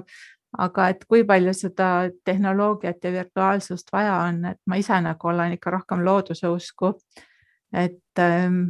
et tore oleks ikka, kui, kui saaks nagu, ma ei tea, lillekest nõusutada ja lehte katsuda ka kui ma küsin täiesti teistsuguse küsimuse, aga ikkagi jäädes siia, siia valdkonda veel, et, et mida sa oled õppinud äh, palliatiivset ravi uurides selle kohta, kuidas me peaksime elama ja, ja teineteisega rääkima, mitte ainult siis, kui inimene on krooniliselt haige, vaid siis, kui me oleme terved? Hmm.. no vot, see on küll üks igavene pähkel küsimus no ma olen näiteks jällegi, no ma toon ühe patsiendi näite, et äh, ma olin ühe üle seitsmekümne aastase naisterahva juures, kes ütles, et ta on alati tahtnud Läänemerd näha. ja juba kuuekümnendaks sünnipäevaks lapsed kinkisid talle mingisuguse reisi Läänemere äärde, aga ta ei saanud minna, sest ta pidi hoolitsema oma isa eest ja selle poe eest, mis neil on ja, ja, ja kõikide teiste eest. ja vot ta ei läinud tookord. ja ega ta ei läinudki mittegi kunagi. et elada elamist ei saa nagu edasi lükata. et äkki see lugu vastab sinu küsimusele. alguses sa rääkisid oma äh, tööst äh,, uurimustööst Kirjandusmuuseumis, jututeooria uurimise taustast. et kas see taust on sind kuidagi palliatiivse ravi valdkonnas ka aidanud? ja see, ma ei tea, kas see võib-olla on huvitav üleüldse, aga, aga ma ei ütle, ma olen tõesti nagu äh, saanud väga hea hariduse, äh, et eristada jutt mitte teineteisest, et ega igal jutul on oma struktuur nagu ja et muinasjutud on erinevad kui muistendid ja, ja anekdoot on veel üks erinev žanr, eks ole, siin lihtsalt näiteid tuues. ja me teeme, eks ole, palju kvantitatiivset uurimust, kus äh, võrreldakse arve, numbreid ja, ja otsitakse statistiliselt olulisi erinevusi näiteks gruppide vahel. aga et palliatiivravis ähm, on praegu juba järjest rohkem ikkagi jutt, et tuleb otsida sealt niimoodi ümbert ringi. et kui me jaotame nagu kahte gruppi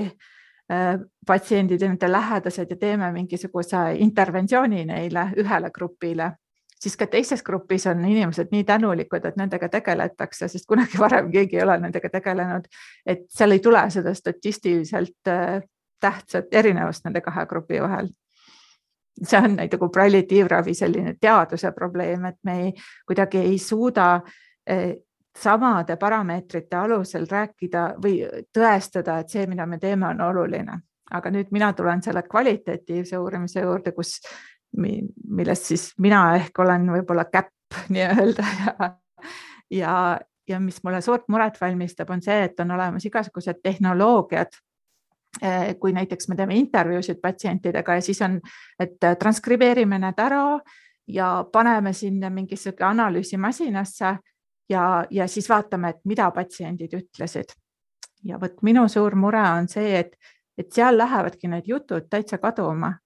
et otsitakse, mida nad ütlesid, aga kuidas ja miks nad ütlesid, see kaob seal masinas nagu ära ja kaovad ära ka tegelikult jutud, sest et on olemas nagu mingi põhjus, miks inimene mingit lugu räägib. näiteks kasvõi seda unenäo juttu, et ma olen ka nagu teadlasena, et miks inimesed räägivad oma unenägusid sellest, et nad näiteks surevad ära. ma arvan, et see võiks mõnele inimesele tuttav olla, see teema, et mõni lähedane rääkis mingist surmaunenäost ja vot see unenäo lugu on ju natuke selline, et ah, see unenägudest, et see on ju mingi selline, aga see annab selle surmateemale natuke kergema noodi. see annab selle nii-öelda raamistiku, et ma räägin sellest natuke sellises jaburas unenäo äh, võtmes, räägin tegelikult väga tõsisest asjast, räägin sellest, et äh, ma sain äh, märgi kuskilt, et surm läheneb ja seda saavad inimesed tõepoolest. Ja, ja, ja ta räägib seda lugu mitu ja mitu korda, tasub kuulata, et, et ja neid on, lugusid on erinevaid ja, ja, ja neid žanreid, mida kasutatakse, on erinevaid. Ja mõnikord patsiendid räägivad mulle lugusid, mida ma olen kuulnud juba Rahvaluule arhiivis, nad ütlevad, nendega juhtus näiteks sõjaajalood et aga noh, me paneme jutu mina vormi sellepärast, et mis ma sellele võõrale inimesele hakkan rääkima, et kellegi, kellegi tuttavaga juhtus see. palju, kui sa oled hea juturääkija, siis sa tead, et keegi ei viitsi kuulata seda taustalugu, et ta tahab kohe minna jutu juurde ja, ja noh, ma, ma arvan, et ma olen õppinud nagu neid asju märkama, et ähm, ja et ma üritan oma tudengitele ka öelda, et, et äh, ärge kohe nagu katki transkribeerige ja analüüsige ja kodeerige teie materjale. Et äh, tihtipeale on, kui me juba teeme mingit projekti, me peame projekti taotlusesse kirjutama, et milliste äh, meetoditega me analüüsime neid materjale ja et, et minu folkloristi taust alati nagu tõrgub sinna kirjutama, et nüüd me teeme teema või me teeme sisuanalüüsi. et ma tahaks enne näha, et mis materjali me üldse kogusime. ja, ja, ja et siis otsustada, et materjali põhjalt otsustada, et mis on see parim meetod, kuidas seda analüüsida. Teine pool sellest ka on see, et, et mis lugusid me, mis lugusid inimesed endale räägivad omaenda elu kohta mm. -hmm. mõtlevad tagasi, et see, selle kohta on ka üks huvitav, huvitav äh, äh, raamat mis tegelikult on, see on nimi on The Art of Memoir. Mary Carr, e, mis, mis räägib tege-, mille eesmärk tegelikult on umbes rääkida sellest, kuidas sa kirjutad oma elulugu või midagi sellist, aga kui sa seda ja miks see raamat sai populaarseks, oligi just see, et, et, et ta on kirjutatud sellisel viisil, et, et kui seda loed nagu noore inimesena ja mõtled selle elu peale mida sa tahaksid elada või mida sa tahaksid kirjutada elu lõpus, et siis see aitab sul hoopis mõtestada nagu elamise ajal seda, mitte et pärast mõtled, et oh, kuidas see nüüd kõik kokku tuli nii pooljuhuslikult. loomulikult kõike ei kontrolli, aga lihtsalt see viis, kuidas äh, enda elu mõtestada elu lõpus on ka oluline, et, et see võib ju ka olla midagi sellist, mis võiks palliatiivses ravis olla üks nendest oskustest, mis ma ei tea, kas arstidel või hingehoidjatel või õdedel on et aitaksid inimestel seda teha, võib-olla nagu. ja, ja see on tõsi ja seda tehakse ka, et mm -hmm. tehakse näiteks äh, Prantsusmaal on kohe, ongi selline eluloo tegija nagu mm -hmm. tööl, et okay., äh, et tema ülesanne ongi nagu inimesega rääkida mitu korda ja siis nad panevadki kokku tema eluloo ja, ja, ja see jääbki lähedastele nagu ka selliseks mälestuseks, et ähm, või Ameerikas Mayo kliinikus on tehtud näiteks, neid nimetatakse spirituaalseteks päranditeks sellist viisi, et seal, seal on nüüd tõesti vist hingehoidjad olnud need, kes siis räägivad nagu, et, et millesse inimene on uskunud ja kuidas on tema elu mõjutanud ja, ja, ja Saksamaal ma tean, et tehakse audioraamatuid näiteks aga et äh, üks probleem on seal küll, et see, seda tahetakse nagu ikka vabatahtlike kaela lükata. Ja et, et siis see nagu ei ole päris ravi, äh, noh, see raviteenus või see leevendav ravi,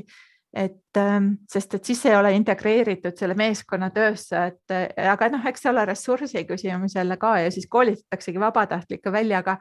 ma arvan, et vabatahtlikel on nagu väga oluline roll näiteks hospiitsides ja, ja ka näiteks koduses hospiitsiravis, et, et ähm, nad aitavad lähedasi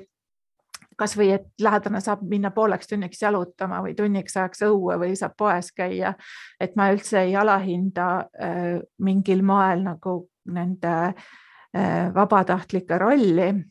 aga ma arvan, et mõned tööd peaksid jääma ikkagi ähm, meeskonna teha ja et üks on, üks on just see, et kui me, kui me teeme seda biograafilist tööd, ega inimesel ei ole elulugu varnast võtta, noh, harva mõnel on, eks ole, et äh, seda hakatakse koostama niimoodi jupikaupa ja siis sa mõtledki, et mis sinna nagu kuulub. Ja eluloo sees on, sellest on kirjutanud Bahtin juba üle saja aasta tagasi et, et on nagu see suur lugu sul, millest räägida ka äh, ja siis selle sees on need väikesed lood, et et ja need väiksed lood on need, mis tavaliselt jäävad meelde, et ja neid sa räägid nagu tihedamini kui nüüd seda tervet elulugu algusest lõpuni, eks ole. Võib-olla nüüd me oleme päris palju sellest palliatiivsest ravist rääkinud, võib-olla räägime natukene nagu sinust äh, endast ka, ähm, kui tohib, et, et sa rääkisid kogu seda alguse lugu, kuidas sa jõudsid palliatiivse ravini ja siis, ja siis see teekond Eh, sinna Austriasse ja noh, Saksamaale, aga kui kui sa sattusid sinna, kas oli, sattusid ikkagi ka üsna sellisesse konservatiivsesse piirkonda töökultuuri kontekstis samamoodi, et kui, kui raske, kas oli raske nii-öelda, nii-öelda Ida-Euroopa naisena Lõuna-Saksamaa konservatiivses keskkonnas karjääri alustada? no ma viskan mõnikord enda üle nalja, see on päris karm nali, aga jah, et ma kuulun ju ka nende nii-öelda Euroopa mehhiklaste hulka. ma arvan, et mis mind aitas, oli see, et ma doktorikraad Helsingi ülikoolist. et äh, selle vastu nagu e, see kuidagi leevendas seda mu Ida-Euroopa tausta võib-olla, et, et ega midagi ei ole teha, et see on päris äh, päris tõsine probleem ja, ja Saksamaa seeski juba see, et kes on idasakslane, kes on läänesakslane, ikkagi kolmkümmend aastat hiljem, see on endiselt nii suur probleem ja lõhestab ühiskonda. et mul on alati tundunud nagu see kuidagi nii vastuoluline, et ähm, kui ma elasin Eestis, siis ma ei olnud mitte iialgi idast ja, ja siis järsku hakati mind nagu kuidagi Äh, idaeurooplaseks pidama ja siis ma mõtlen, kuidas ma nüüd ja ma nagu ei oska ennast üleüldse nagu idaeurooplasena ette kujutada, et ma olen, mis iganes me seal eestlased, eestlased oleme. Ja ma isegi ei kujuta ennast nagu baltlasena ette, et isegi kui ma olen Lõuna-Eestist, ma ükskord hakkasin läti keelt õppima, sellepärast ma mõtlesin, kuidas see saab olla võimalik, et ma oskan nagu kõiki keeli peaaegu, mida Läänemere ümber räägitakse, aga läti ja leedu keel, no täitsa tume maa on, eks ole. ja siis võtsin ette ja noh, ma nüüd oskan tere päevast öelda läti keeles enam-vähem aga, aga et, et noh, täitsa nagu selline ja siis pannakse mind sinna Balti banaani, eks ole, või noh, tervet Eestit ja, ja et see on niisugune imelik, imelik asi, et, et ma ei ole kunagi ennast idaeurooplasena tundnud, et ma, kui ma Põlvas elasin, siis ma tegelesin käsipalliga ja me käisime hästi palju näiteks Nõukogude Liidus äh, reisimas ja, ja me käisime ka Skandinaavias reisimas ja kui me Nõukogude Liidus olime, siis kogu aeg öeldi, et ah oh,, inostrants, et noh, me olime eestlastena teistsugused kuskil Moldovas või kus iganes me olime ja, ja meie seljas taheti meie T-särgid ära osta ja nii edasi. aga et kui me muidugi Norras ja, või Rootsis ja Soomes olime võistlustel või Taanis, siis äh, tavaliselt meid majutati kuskil kooli klassiruumides ja siis, kui ma mäletan, et ma vaatasin nagu sinna Rootsi tüdrukute tuppa sisse, kus kõik oli nii värvikirev ja siis meie tuba oli kuidagi selline hall natukene ja pruun, et, et noh, siis ilmselt me noh, ise ei, võib-olla ei tundnudki seda niimoodi, aga, aga eks me ikka olime siis idaeurooplased küll, et küll see paistis ikka pealtpoolt välja ka, et ja aga, aga jah, kuidas siin Saksamaal, ma, ma arvan tõesti, et, et see, ma, ma tean, et see ei ole iseenesestmõistetav. ma olen olnud siin Saksamaal ka töötu vähemalt kaks korda ehm, ja ma tulin siia niimoodi, et mu abikaasa sai siin töö nagu Münchenis, et ega mina ei teadnud, lapsed olid siis ka väikesed ja ma mõtlesin, et täitsa lõpp, et mis nüüd siis nagu saab, et ma olin just Helsingis saanud niimoodi jala kuidagi ukse vahele, et hakkasin seal loenguid pidama ja ja olin soome keele nii ära õppinud, et, et, et võisin isegi õpetada ja isegi kirjutada, et ma olen kirjutanud mõne soomekeelse teadusartikligi ja, ja, ja, ja, ja siis mõtlesin, ah hakkab jälle otsast peale ja, aga tegelikult oli niimoodi, et põhimõtteliselt see töökuulutus, kus ma nägin seda assistendi kohta seal ülikooli kliinikus palliatiivravi osakonnas äh,. ma olin siis juba olnud Saksamaal kaks aastat ja kui ma taotlesin seda, siis seda kohta ma nagu kohe ei saanud, hiljem sain selle sama, selle koha ka, aga et äh, see oligi mu ainuke katse üleüldse tööd, tööle saada ja saingi. Ja, ja ma rääkisin sulle meie eelkohtumisel ka, et äh, ega ma pidin guugeldama, mis see palliatiivravi on. Ja ma ütlen seda ju täiesti nagu sellepärast, et ma tean, et inimesed peavadki guugeldama, et mis see palliatiivravi on, et see ei ole üldse mingisugune äh, mõiste, mis nüüd siin äh, igapäevaselt on käi, käibel ja sellega on seotud palju väärarusaama, nagu me oleme juba rääkinudki. aga, ja siis, kui ma lugesin, mis see on, siis ma mõtlesin, et jah, patsientidega ma olen juba tegelenud ja ja et äkki ma saangi nendega niimoodi toredasti juttu rääkida, aga, aga ma sattusin hoopis, hoopis selle hariduse teema peale, et kuidas ja siis see, saigi mulle selgeks, et tegelikult üks suur väljakutse on äh, mis tundub lausa imelik ja sa oled vist ise ka natuke vihjanud juba siin vestluses sellele, et, et miks me peame tervishoiutöötajatele õpetama, andma mingi checklist'i või mingisuguse, mingisuguse sellise välja töötatud äh, suhtlusmudeli ja miks me peame õpetama neid suhtlema sellise mudeli alusel? Ja et, et see ongi suur väljakutse, et ma sain sellest seal kliinikus esimest korda aru, et, et, et kui patsiendid vajaksid nagu suhtlust ja tähelepanu, siis tervishoiutöötajad ei tea, kuidas seda teha, sest nende haridus on kiired otsused kriitilises olukorras äh, kiire reageerimine, arvutamine, et mis on see õige annus ja kõik selline. Ja just no ja sellega kuidagi alguses isegi kui meditsiinitudengid on väga empaatilised, siis see kaob nagu ära lõpuks kuhugi nende, kui nad õpingud lõpetavad, siis on see kadunud järsku ja sinna tuleb veel see nii-öelda see varjatud kurikulum ka, et isegi kui nad tahavad olla teistsugused, siis töökohal öeldakse neile, et me oleme alati niimoodi teinud ja ärge nüüd siin hakake mingit omaloomingut nagu tegema, eks ole. ja, ja, ja siis ma jäingi nagu pigem tegelema sellega, et kuidas siis aidata tervishoiutöötajaid kuidas neid toetada, kuidas neile seletada lihtsate sõnadega, et miks see vestlus, miks see kohalolemine, miks see olemasolemine nii tähtsad on. ja teen seda siiamaani. ma saan aru, et sa ise ka ju pöörad oma, oma tervise hoidmisele ja tugevdamisele palju tähelepanu. Et et ma saan aru, et sa jooksed, ma ei tea, maratone ja toitud taimselt ja oled oma elust suuresti sotsiaalmeedia välja lülitanud. kas see on midagi sellist, mis on tekkinud valdkonnas toimetamise tagajärjel või see on alati nii olnud? nojah, ma olen alati sporti teinud, et ma ei ole nagu mitte mingil juhul mingi andekas sportlane, aga mulle meeldib ennast ületada alati, et noh, et iseennast ainult, ma ei taha võita ei no tore on, kui võidad, eks ole ka, miks mitte olla esimene ja, ja et, et aga, aga noh, tavaliselt ma ei ole, sellepärast et ma ei ole nagu mingi selline, kes, kelle, kellele loodus on nüüd õudselt palju, no mul on küll pikad jalad ja nii edasi, aga, aga, aga jah, et mul, ma olen alati nagu, mulle meeldib niimoodi, ma olen nagu selline pisut ähm,, mu sõbrad, kes mind tunnevad, ma olen nagu natuke selline suureks kasvanud kutsikas, et mulle meeldib niimoodi mürada ka vabal ajal ja siis ma niimoodi jooksengi ja sõidan rattaga ja, ja mulle meeldib, kui mul on selg mudane ja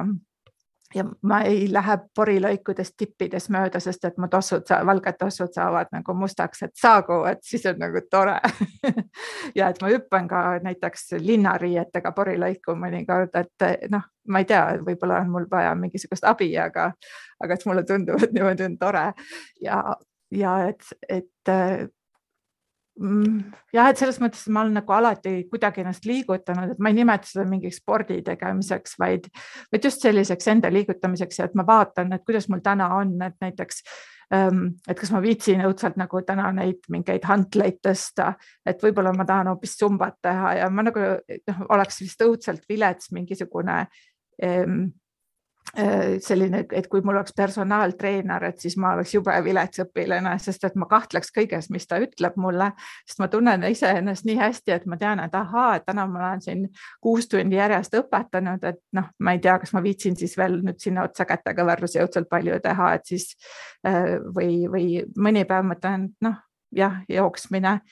jooksmise juures kõige tüütum on see riiete selga panemine, aga kui riided juba seljas on uksest välja lähed, siis tegelikult on juba kõik korras, eks ole, ja ja, ja jooksmine on nagu see, mis mul aitab õudselt äh, ma ei jookse kunagi mingite kõrvaklappidega ega millegi sellisega, et ma pigem olen selline, kes nagu ütleb, näe puu, sina seisad siin, mina jooksen. Ja, ja niimoodi ühe puu juurest teise juurde äh, vaatan nagu loodust ja, ja, ja ja just pigem nagu jah, vaatan, kuidas ma nendest porilõikudest ja lehtedest ja kividest ja mulle meeldib nagu joosta ka mägisel maastikul, mis on siin meil võimalik, et mul tuleb nii naer peale, kui Eestis keegi ütleb, et oi, seal Rapla jooksul oli hirmus mägi kuskil. Et, et ja, ja jah, aga ma olen ka uusi asju teinud, et ma näiteks õppisin umbes mingi seitse-kaheksa aastat tagasi kroolima korralikult, et ma saaks triatlonist osa võtta ja, ja käisin nagu õhtul jumala hilja ja ujumistrennis ja, ja õppisin selle tõesti selgeks ja siis ühel hetkel märkasin, et ma olen mingil ma ei tea, kas see on mingi olümpiadistants ja et kuulsin nagu, ma olen ju, olen ennast kirja pannud ja siis kuulen niimoodi sealt kõlarist tuleb, et see on mingi Baieri meistrivõistlused ja näe, mina ka seal seisan ees, eks ole. et äh, jumala pärast keegi ei tohiks nagu tõsiselt võtta seda, et ma, ma teen sporti, aga mitte ja, ja ma olen jooksnud tõesti mõned maratonid ja ma olen isegi ultrajookse teinud, et mingi viiskümmend neli kilomeetrit, sest on vist kõige pikem ja seda ka mägedes, eks ole.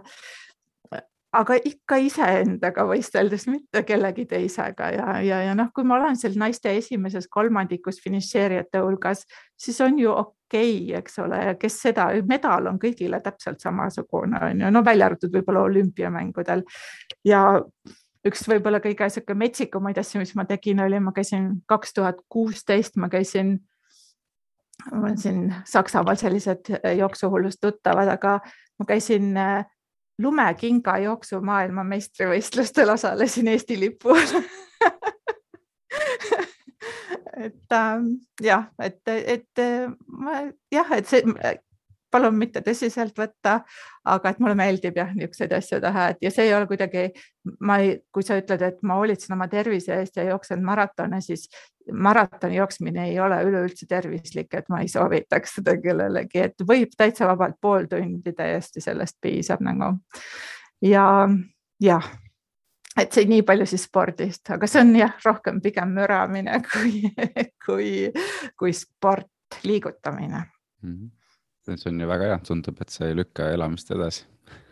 No ma üritan tõesti jah, et kui, kui sellest midagi, ma olen nagu mõelnud ka, ma näiteks olin mingil võistlusel kuskil Transilvaania mägedes, kus jällegi oma sõbrannadega me avastasime enne võistlust, et issand, et kaks tuhat viissada tõusumeetrit on nagu see distants kolmekümne kilomeetri peal, eks ole, et sa põhimõtteliselt ronid üles ja siis hakkad kohe alla kukkuma ja,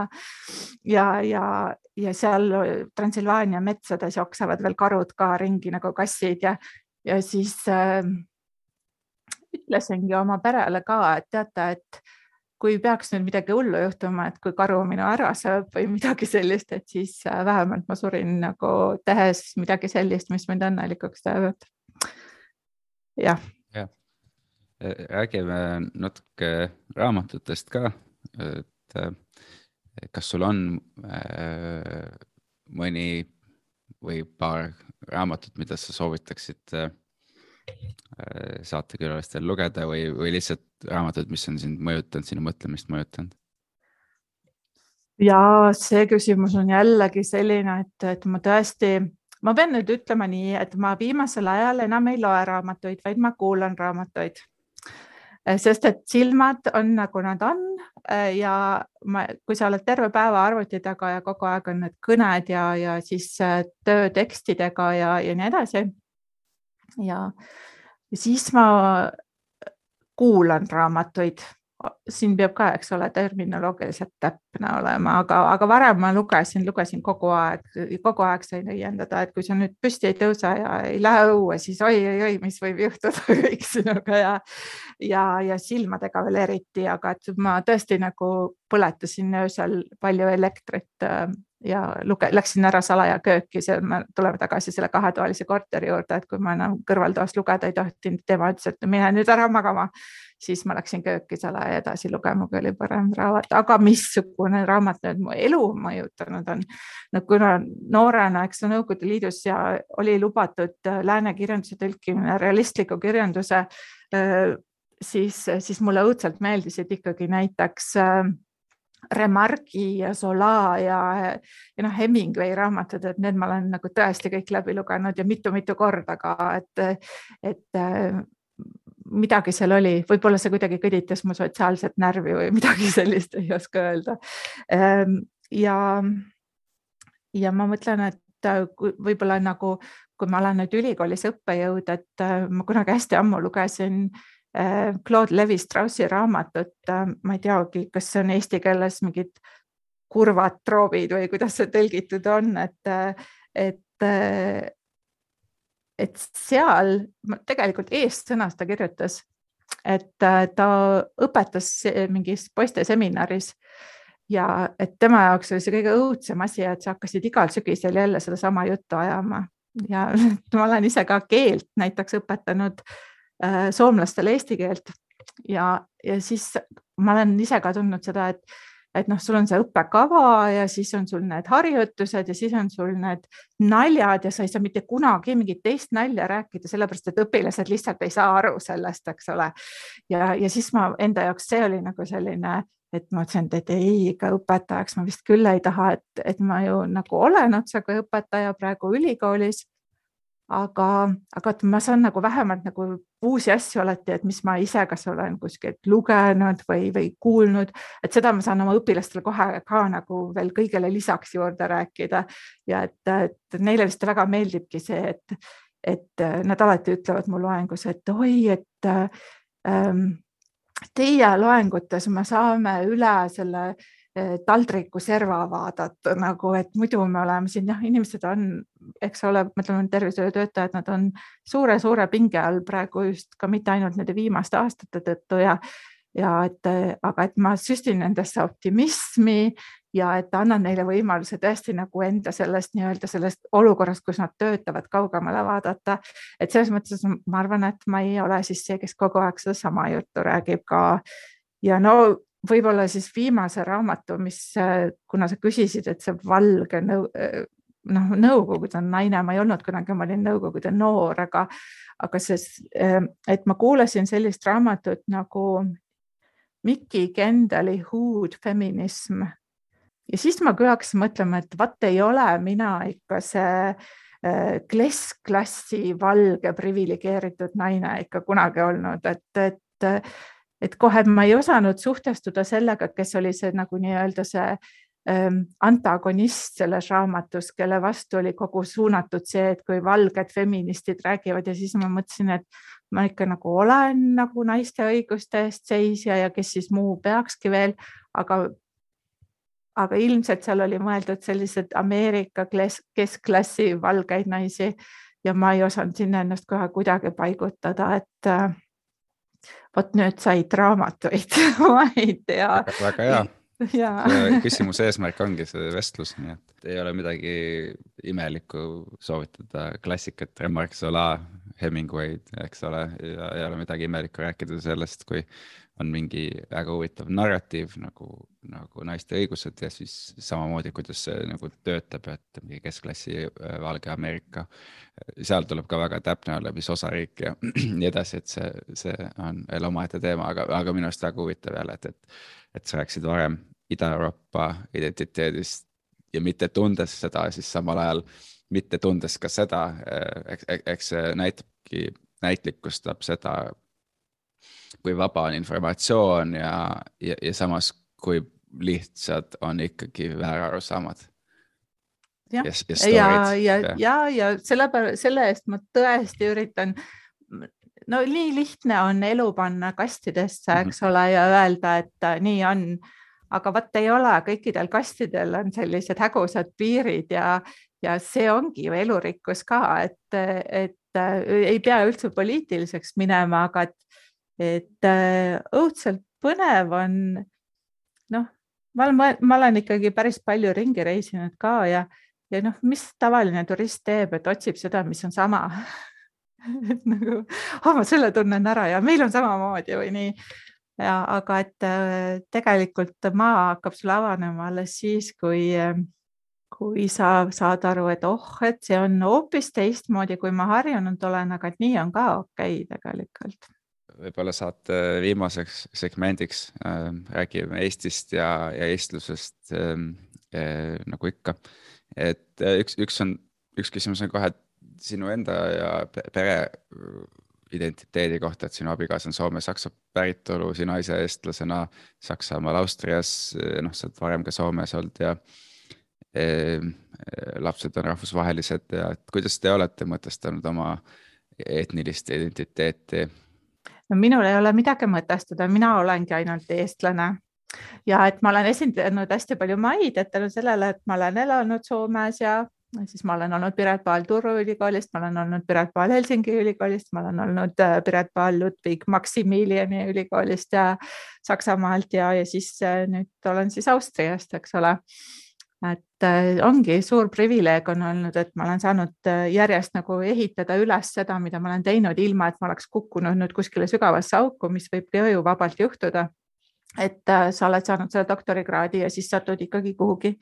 hoopis mingit teist tööd tegema, kui sa maad vahetad, eks ole, ja ja et ma annan endale aru, et, et miski on mind kandnud siin, et ma olen saanud teha seda mis tõesti minu jaoks on ka nagu tähtis, et ma ei tea, kas teiste jaoks, aga et ma tõesti, kui mu kolleegid ka räägivad, siis nad ütlevad, et Piret, me näeme sinus, et, et sa tegeled asjaga, mis sulle huvi pakub ja, ja mille eest sa seisad nagu ka, et see ei ole lihtsalt niimoodi, et ma teen midagi, eks ole, ja ma ise ei usu sellesse. ja, ja, ja noh, see, see, kelleks me ennast peame no mu lastel on kolm kodakondsust praegust, et neil ongi Eesti, Saksa ja Soome kodakondsus ja aga nad ei räägi soome keelt praegust ja ilmselt see on üks takistus, et nad on küll igal suvel Soomes alati, aga oma saksa perega, nii et nad on seal Soomes, aga räägivad saksa keelt ja ja ma arvan, et see, et mu lapsed eesti keelt räägivad ja päris hästi räägivad, on seotud sellega, et ähm, et mu mees kasvas üles ükskeelsena, aga tal oli võimalus kasvada üles kakskeelsena. ja ta ise tundis seda, et, et tema Soome perekonnaga oleks ta palju paremini suutnud nagu suhelda, kui tal oleks olnud need kaks keelt suus. ja et tema on igal, et võib ju juhtuda väga tihti, et nagu noh, meie siin lobiseme oma haldja keeles ja, ja, ja siis pereisa põrutab lauale rusikaga, ütleb, rääkige nüüd saksa keeles, ma ei saa mitte midagi aru, mis te siin räägite. et seda meil ei ole küll kunagi olnud, et, et pigem laste probleem on see, et mina ütlen eesti keeles ja siis öeldakse saksa keeles veel ülejäänu ütleb, tõesti peab nagu kaks korda kõike ütlema aga et mind, eks mind puudutab, eks mind puudutab, kui ma loen, et meid üritatakse mingiteks põgenevateks pruutideks liigitada ja, ja, ja milleks iganes ja, ja, ja siis äh, või mugavus või kliima või mis iganes pagulasteks me oleme ja, ja olemegi pagulased, näiteks siin jälle ma tulen oma vanemate juurde tagasi, et see on lausa uskumatu, et ilmselt tänu meie kogemusele et mu vanemad on nii liberaalsed ka selle paguluse teema suhtes näiteks, et nad ütlevad, et meie oma lapsed on ju ka nii-öelda pagulased seal mujal, et kuidas me siis nagu suhtume nendesse meie juurde tulevatesse pagulastesse nii halvasti, et see ei saa kohe üldse olla nii, et ähm, täitsa kohe üllatunud olen mõnikord, et sellist, äh, et ükskõik, mis see põhjus on, et kas sa lähed õppima või tööle, ma iialgi ei tahtnud Eestist ära minna. aga nii on läinud ja, ja kui ma oleks läinud, ei oleks läinud ära, siis ilmselt oleks ma, no oleks kindlasti ka olnud tubli ja töökas ja usin ja nii edasi, aga et võib-olla ei oleks tegelenud selle teemaga, mine tea. võib-olla sa oleksid olnud kirjandusmuuseumis, nagu sa ütlesid no võib-olla üsna suur tõenäosus, aga miski ajas mind sealt ikkagi välja ka. et ma olen niimoodi naljatamisi öelnud, et ma saan Eestisse tagasi tulla siis, kui Marju Kõivupuu ja Mare Kõiva pensionile lähevad, aga kui, kui me vaatame folkloristidest, kui kaua näiteks Mall Hiiemäe ja, ja Ingrid Rüütel, nad ikka veel töötavad ja teevad raamatuid, et noh, ma ei tea, kas ma pean nii kaua vastu üldse. Oma, oma selle äh, karjääri jooksul sa oled Eh, jah, nagu sa mainisid, erinevaid eh, organisatsioone esindanud ja, ja olnud Turus, Helsingis ja, ja nüüd Saksas, Austrias, eks ole, et sa niimoodi jagad oma aega. et kui sul on, kui sul on võimalus kirjeldada teistele Eestit, et milline on Eesti, siis, siis kuidas sa kirjeldad Eestit? no ma kirjeldan Eestit nagu tavaliselt nii, et mis minu jaoks on oluline, on see, et seal on hästi palju ruumi ja siis ma räägin nendele nendest töödest, mida ma Eestis teen ja siis äh, tavaliselt oma meeskolleegidele. Ma lasen ka nagu teha mõne väikse video ja siis, kui ma tahan neile nii, et nad minusse suhtuksid austusega, siis ma näitan neile neid videosid, et näiteks Piret Mootorsaega Piret mittegi ainult kirvega, vaid kiiluga puid puruks löömas ja eh, noh, rääkimata tavalistest eh, siinelkäikudest ja muust sellisest, aga et, eh, et sihuke, see mootorsaag läheb ka aastatega järjest raskemaks ja, ja võimsamaks, mis mulle kätte usaldatakse ja ma õudselt kahtlen oma võimetes, aga ikka julge hundi rindan rasvale ja lähen nende puude kallale. Ja, ja, ja tänan oma isa usalduse eest ja ja, ja jah, on põnev nagu, et, et ma arvan, et ma tegelen nagu selliste imelike asjadega Eestis, et ja et niimoodi ma räägingi, aga et ma olen ammu ära jätnud selle Eesti võrdlemise või Eesti kiitmise ka ausalt öeldes et mida paljud teevad, kes alati nagu võrdlevad, et Eestis on nii ja siin on nii, et siis on väga lihtne öelda, et oi, et Eestis on koolid palju paremad või Eestis on see palju parem aga ma elan siin ja siis tuleb võtta seda, mis, mis siin on praegust ja proovida leida võimalikult hea, head asjad nagu seal, kus ma olen. et ähm, noh, ja mõni, mõned asjad ei ole nii head ja nüüd näiteks seesama naiste roll ikkagi, et sa pead kell üksteist nagu oodatakse, et sa oma algkoolilapsed koolist ära tood ja kui sa siis nagu tööl tahad käia, mis tundub nagu Eesti naisena mulle nagu selline, et kuidas ma siis ei käi tööl ja, ja et siin on ikkagi see lapsed on nagu naiste asi. ja et kui ülikoolis on enamus põhiõppes on nagu suurem hulk on naisüliõpilasi, siis äh, professorid on ikkagi nagu suuremalt jaolt mehed ja näiteks äh, ma eelmine aasta sain selle doktor Habili ehk habiliteerusin, see on, ei ole päris postdoc, aga midagi sellist, et seda nagu naised peaaegu iialgi ei saavuta siin näiteks. et äh, noh, see on karjuv ebaõiglus minu meelest ja, ja siis me jõuamegi selle naiste vaesuseni äh, elu lõpus näiteks. et äh, Eestis on see vaesus, elu lõpu vaesus muudest asjadest tingitud, aga et et ka siin, kus tegelikult on ühiskond tunduvalt ressursirikkam, on see probleem. sa küll ütlesid, et sa ei taha äh, rääkida sellest, mis, mis, äh, mis Eestis on nagu hästi või halvasti või võrrelda, mis on minu arust hästi mõistlik see, kuidas sa kirjeldasid Eestit, et hästi pragmaatiline. aga kui puhtalt Eesti peale mõtled ja sul oleks võluvits, et saaksid ühe asja üleöö muuta paremaks, siis mis see oleks? See on utoopiline küsimus, aga see. see on utoopiline küsimus, aga ma arvan, et ma tean, mis mind äh, nagu natuke vaevab küll. et ma olen nüüd rohkem kui üle poole oma elust elanud välismaal. aga kui ma näiteks vaatan äh, intervjuusid noorte Eesti inimestega ja kui ma, kui pooled sõnad on nagu mingis teises keeles, siis see natuke tekitab mul, minus küll muret, et ähm, ma tean küll, kuidas on võimalik rääkida inimestega, kes su koodi tunnevad niimoodi, et sa segad neid sõnu sinna vahele, et ma võin